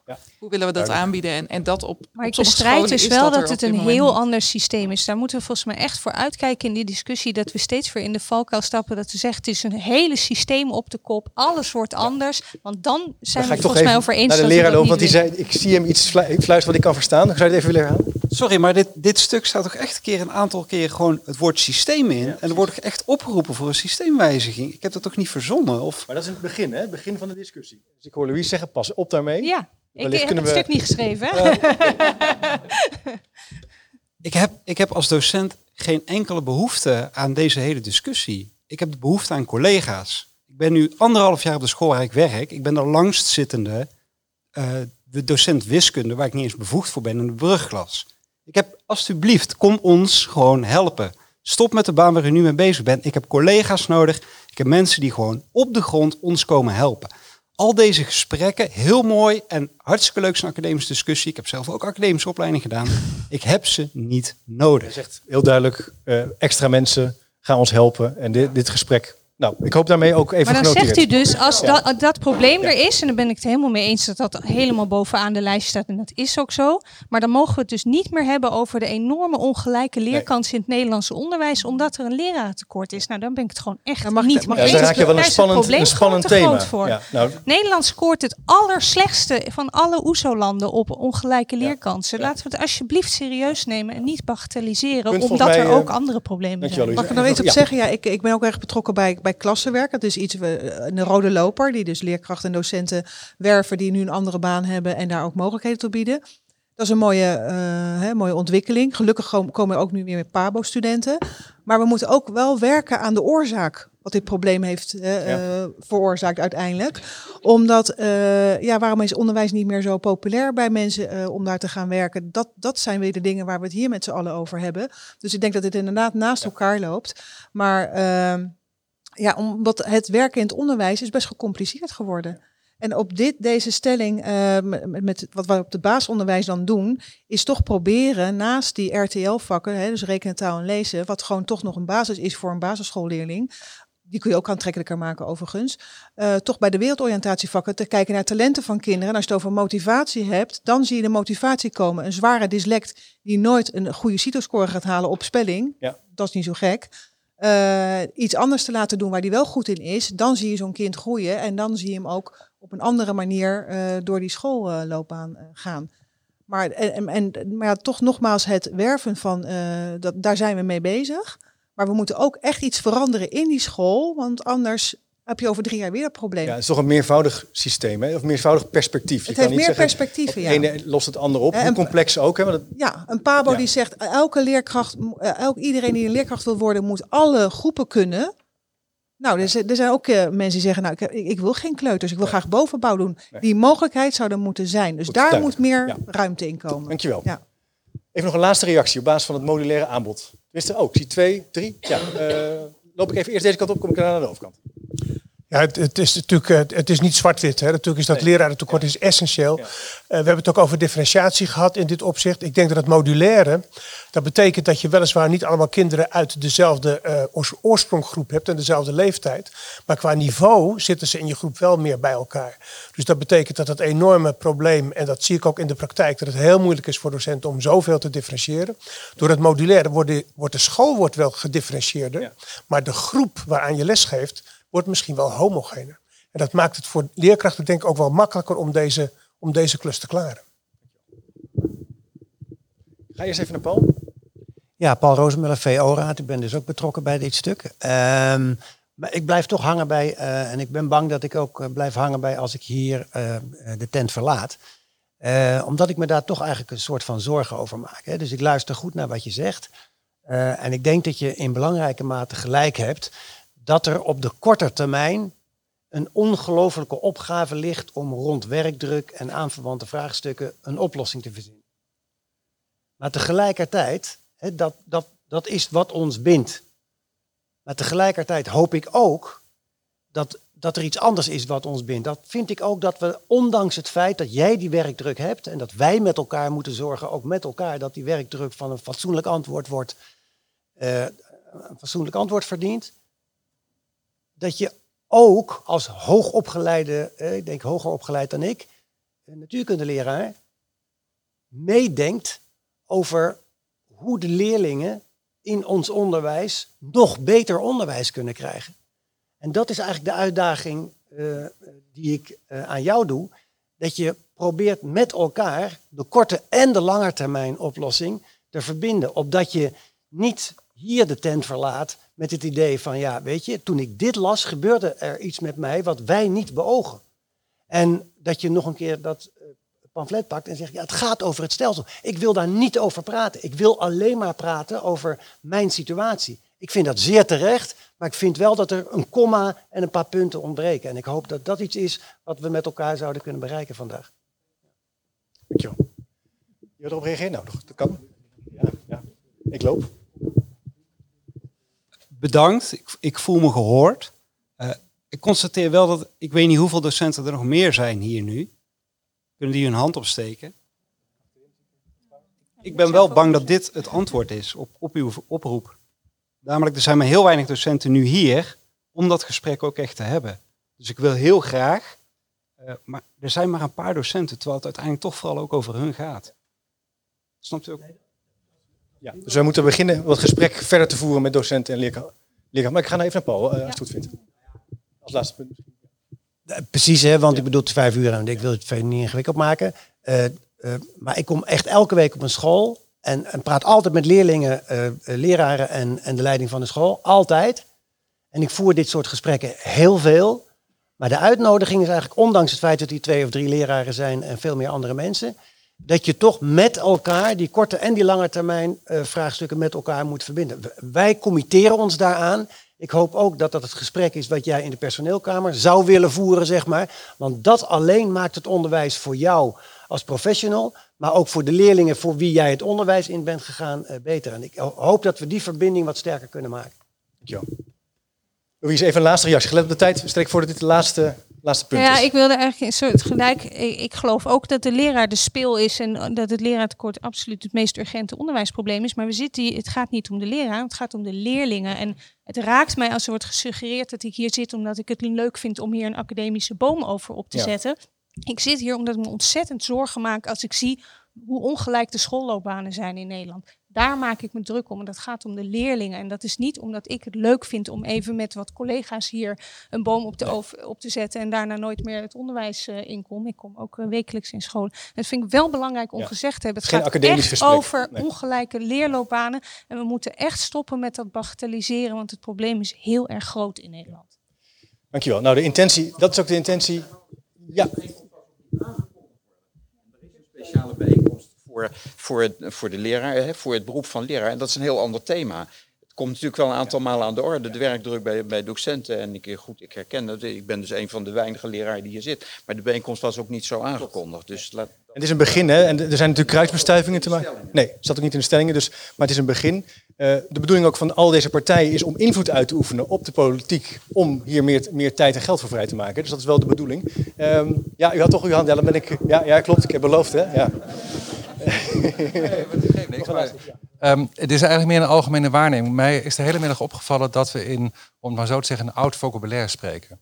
Dus we spreken over het vocabulaire van een school en, en de leerling en de leraar, alsof het daar allemaal gedaan moet worden. Ik zou toch ook willen pleiten om, en dat staat ook in het stuk, om breder te kijken. Ik denk bijvoorbeeld aan de IKC's, de integrale kindcentra, waarbij je met pedagogisch medewerkers, met vakdocenten, met algemene leerkrachten, met een heel team om een kind heen staat, waardoor de druk bij de leraar anders wordt en zich ve- veel meer op zijn vak kan concentreren. En het komt, de discussie lijkt heel snel naar vak, school, eh, leerkracht, leraar te gaan. En alsof de school het allemaal op moet lossen. Maar ik denk van ja, of niet neem de Griekse opvatting van school, scola, namelijk ruimte om te ontwikkelen.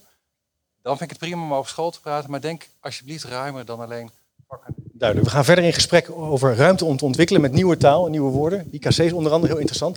Dank jullie wel. Eh, je merkt dat als het eenmaal gaat lopen, dan vliegt de tijd. Het is over vijf en ik wil ook recht doen aan ieders agenda. Wat mij betreft eh, is het aan mij om even heel kort te bedanken. Hartelijk dank voor jullie deelname. Ontzettend fijn dat jullie zo vol energie mee hebben gedaan aan het verkennen van die stellingen. Natuurlijk best wel spannend, ook voor ons een experiment, een serieus experiment om dit input te verzamelen en door te gaan en meer input te verzamelen om het beter te maken. Dat gaan we nog meerdere malen doen in het land. Dit is pas de eerste, hè? dus we gaan hiervan leren en dat nog meerdere malen doen. Ehm, we zullen ook op de website de link naar de podcast opnemen, zodat je die ook kan terugluisteren. Daar kan je ook weer op reageren. Dat is een manier om grotere betrokkenheid van alle partijen te borgen en te organiseren. Als je nou nog denkt, ik ben iets vergeten, ik wil nog iets kwijt, dan kan je nog even aan de tafel aanschuiven. En anders kan je hier lekker wat drinken. En eh, bedankt voor jullie tijd en aanwezigheid. En ook bedankt ROC Mondriaan voor het faciliteren van deze plek.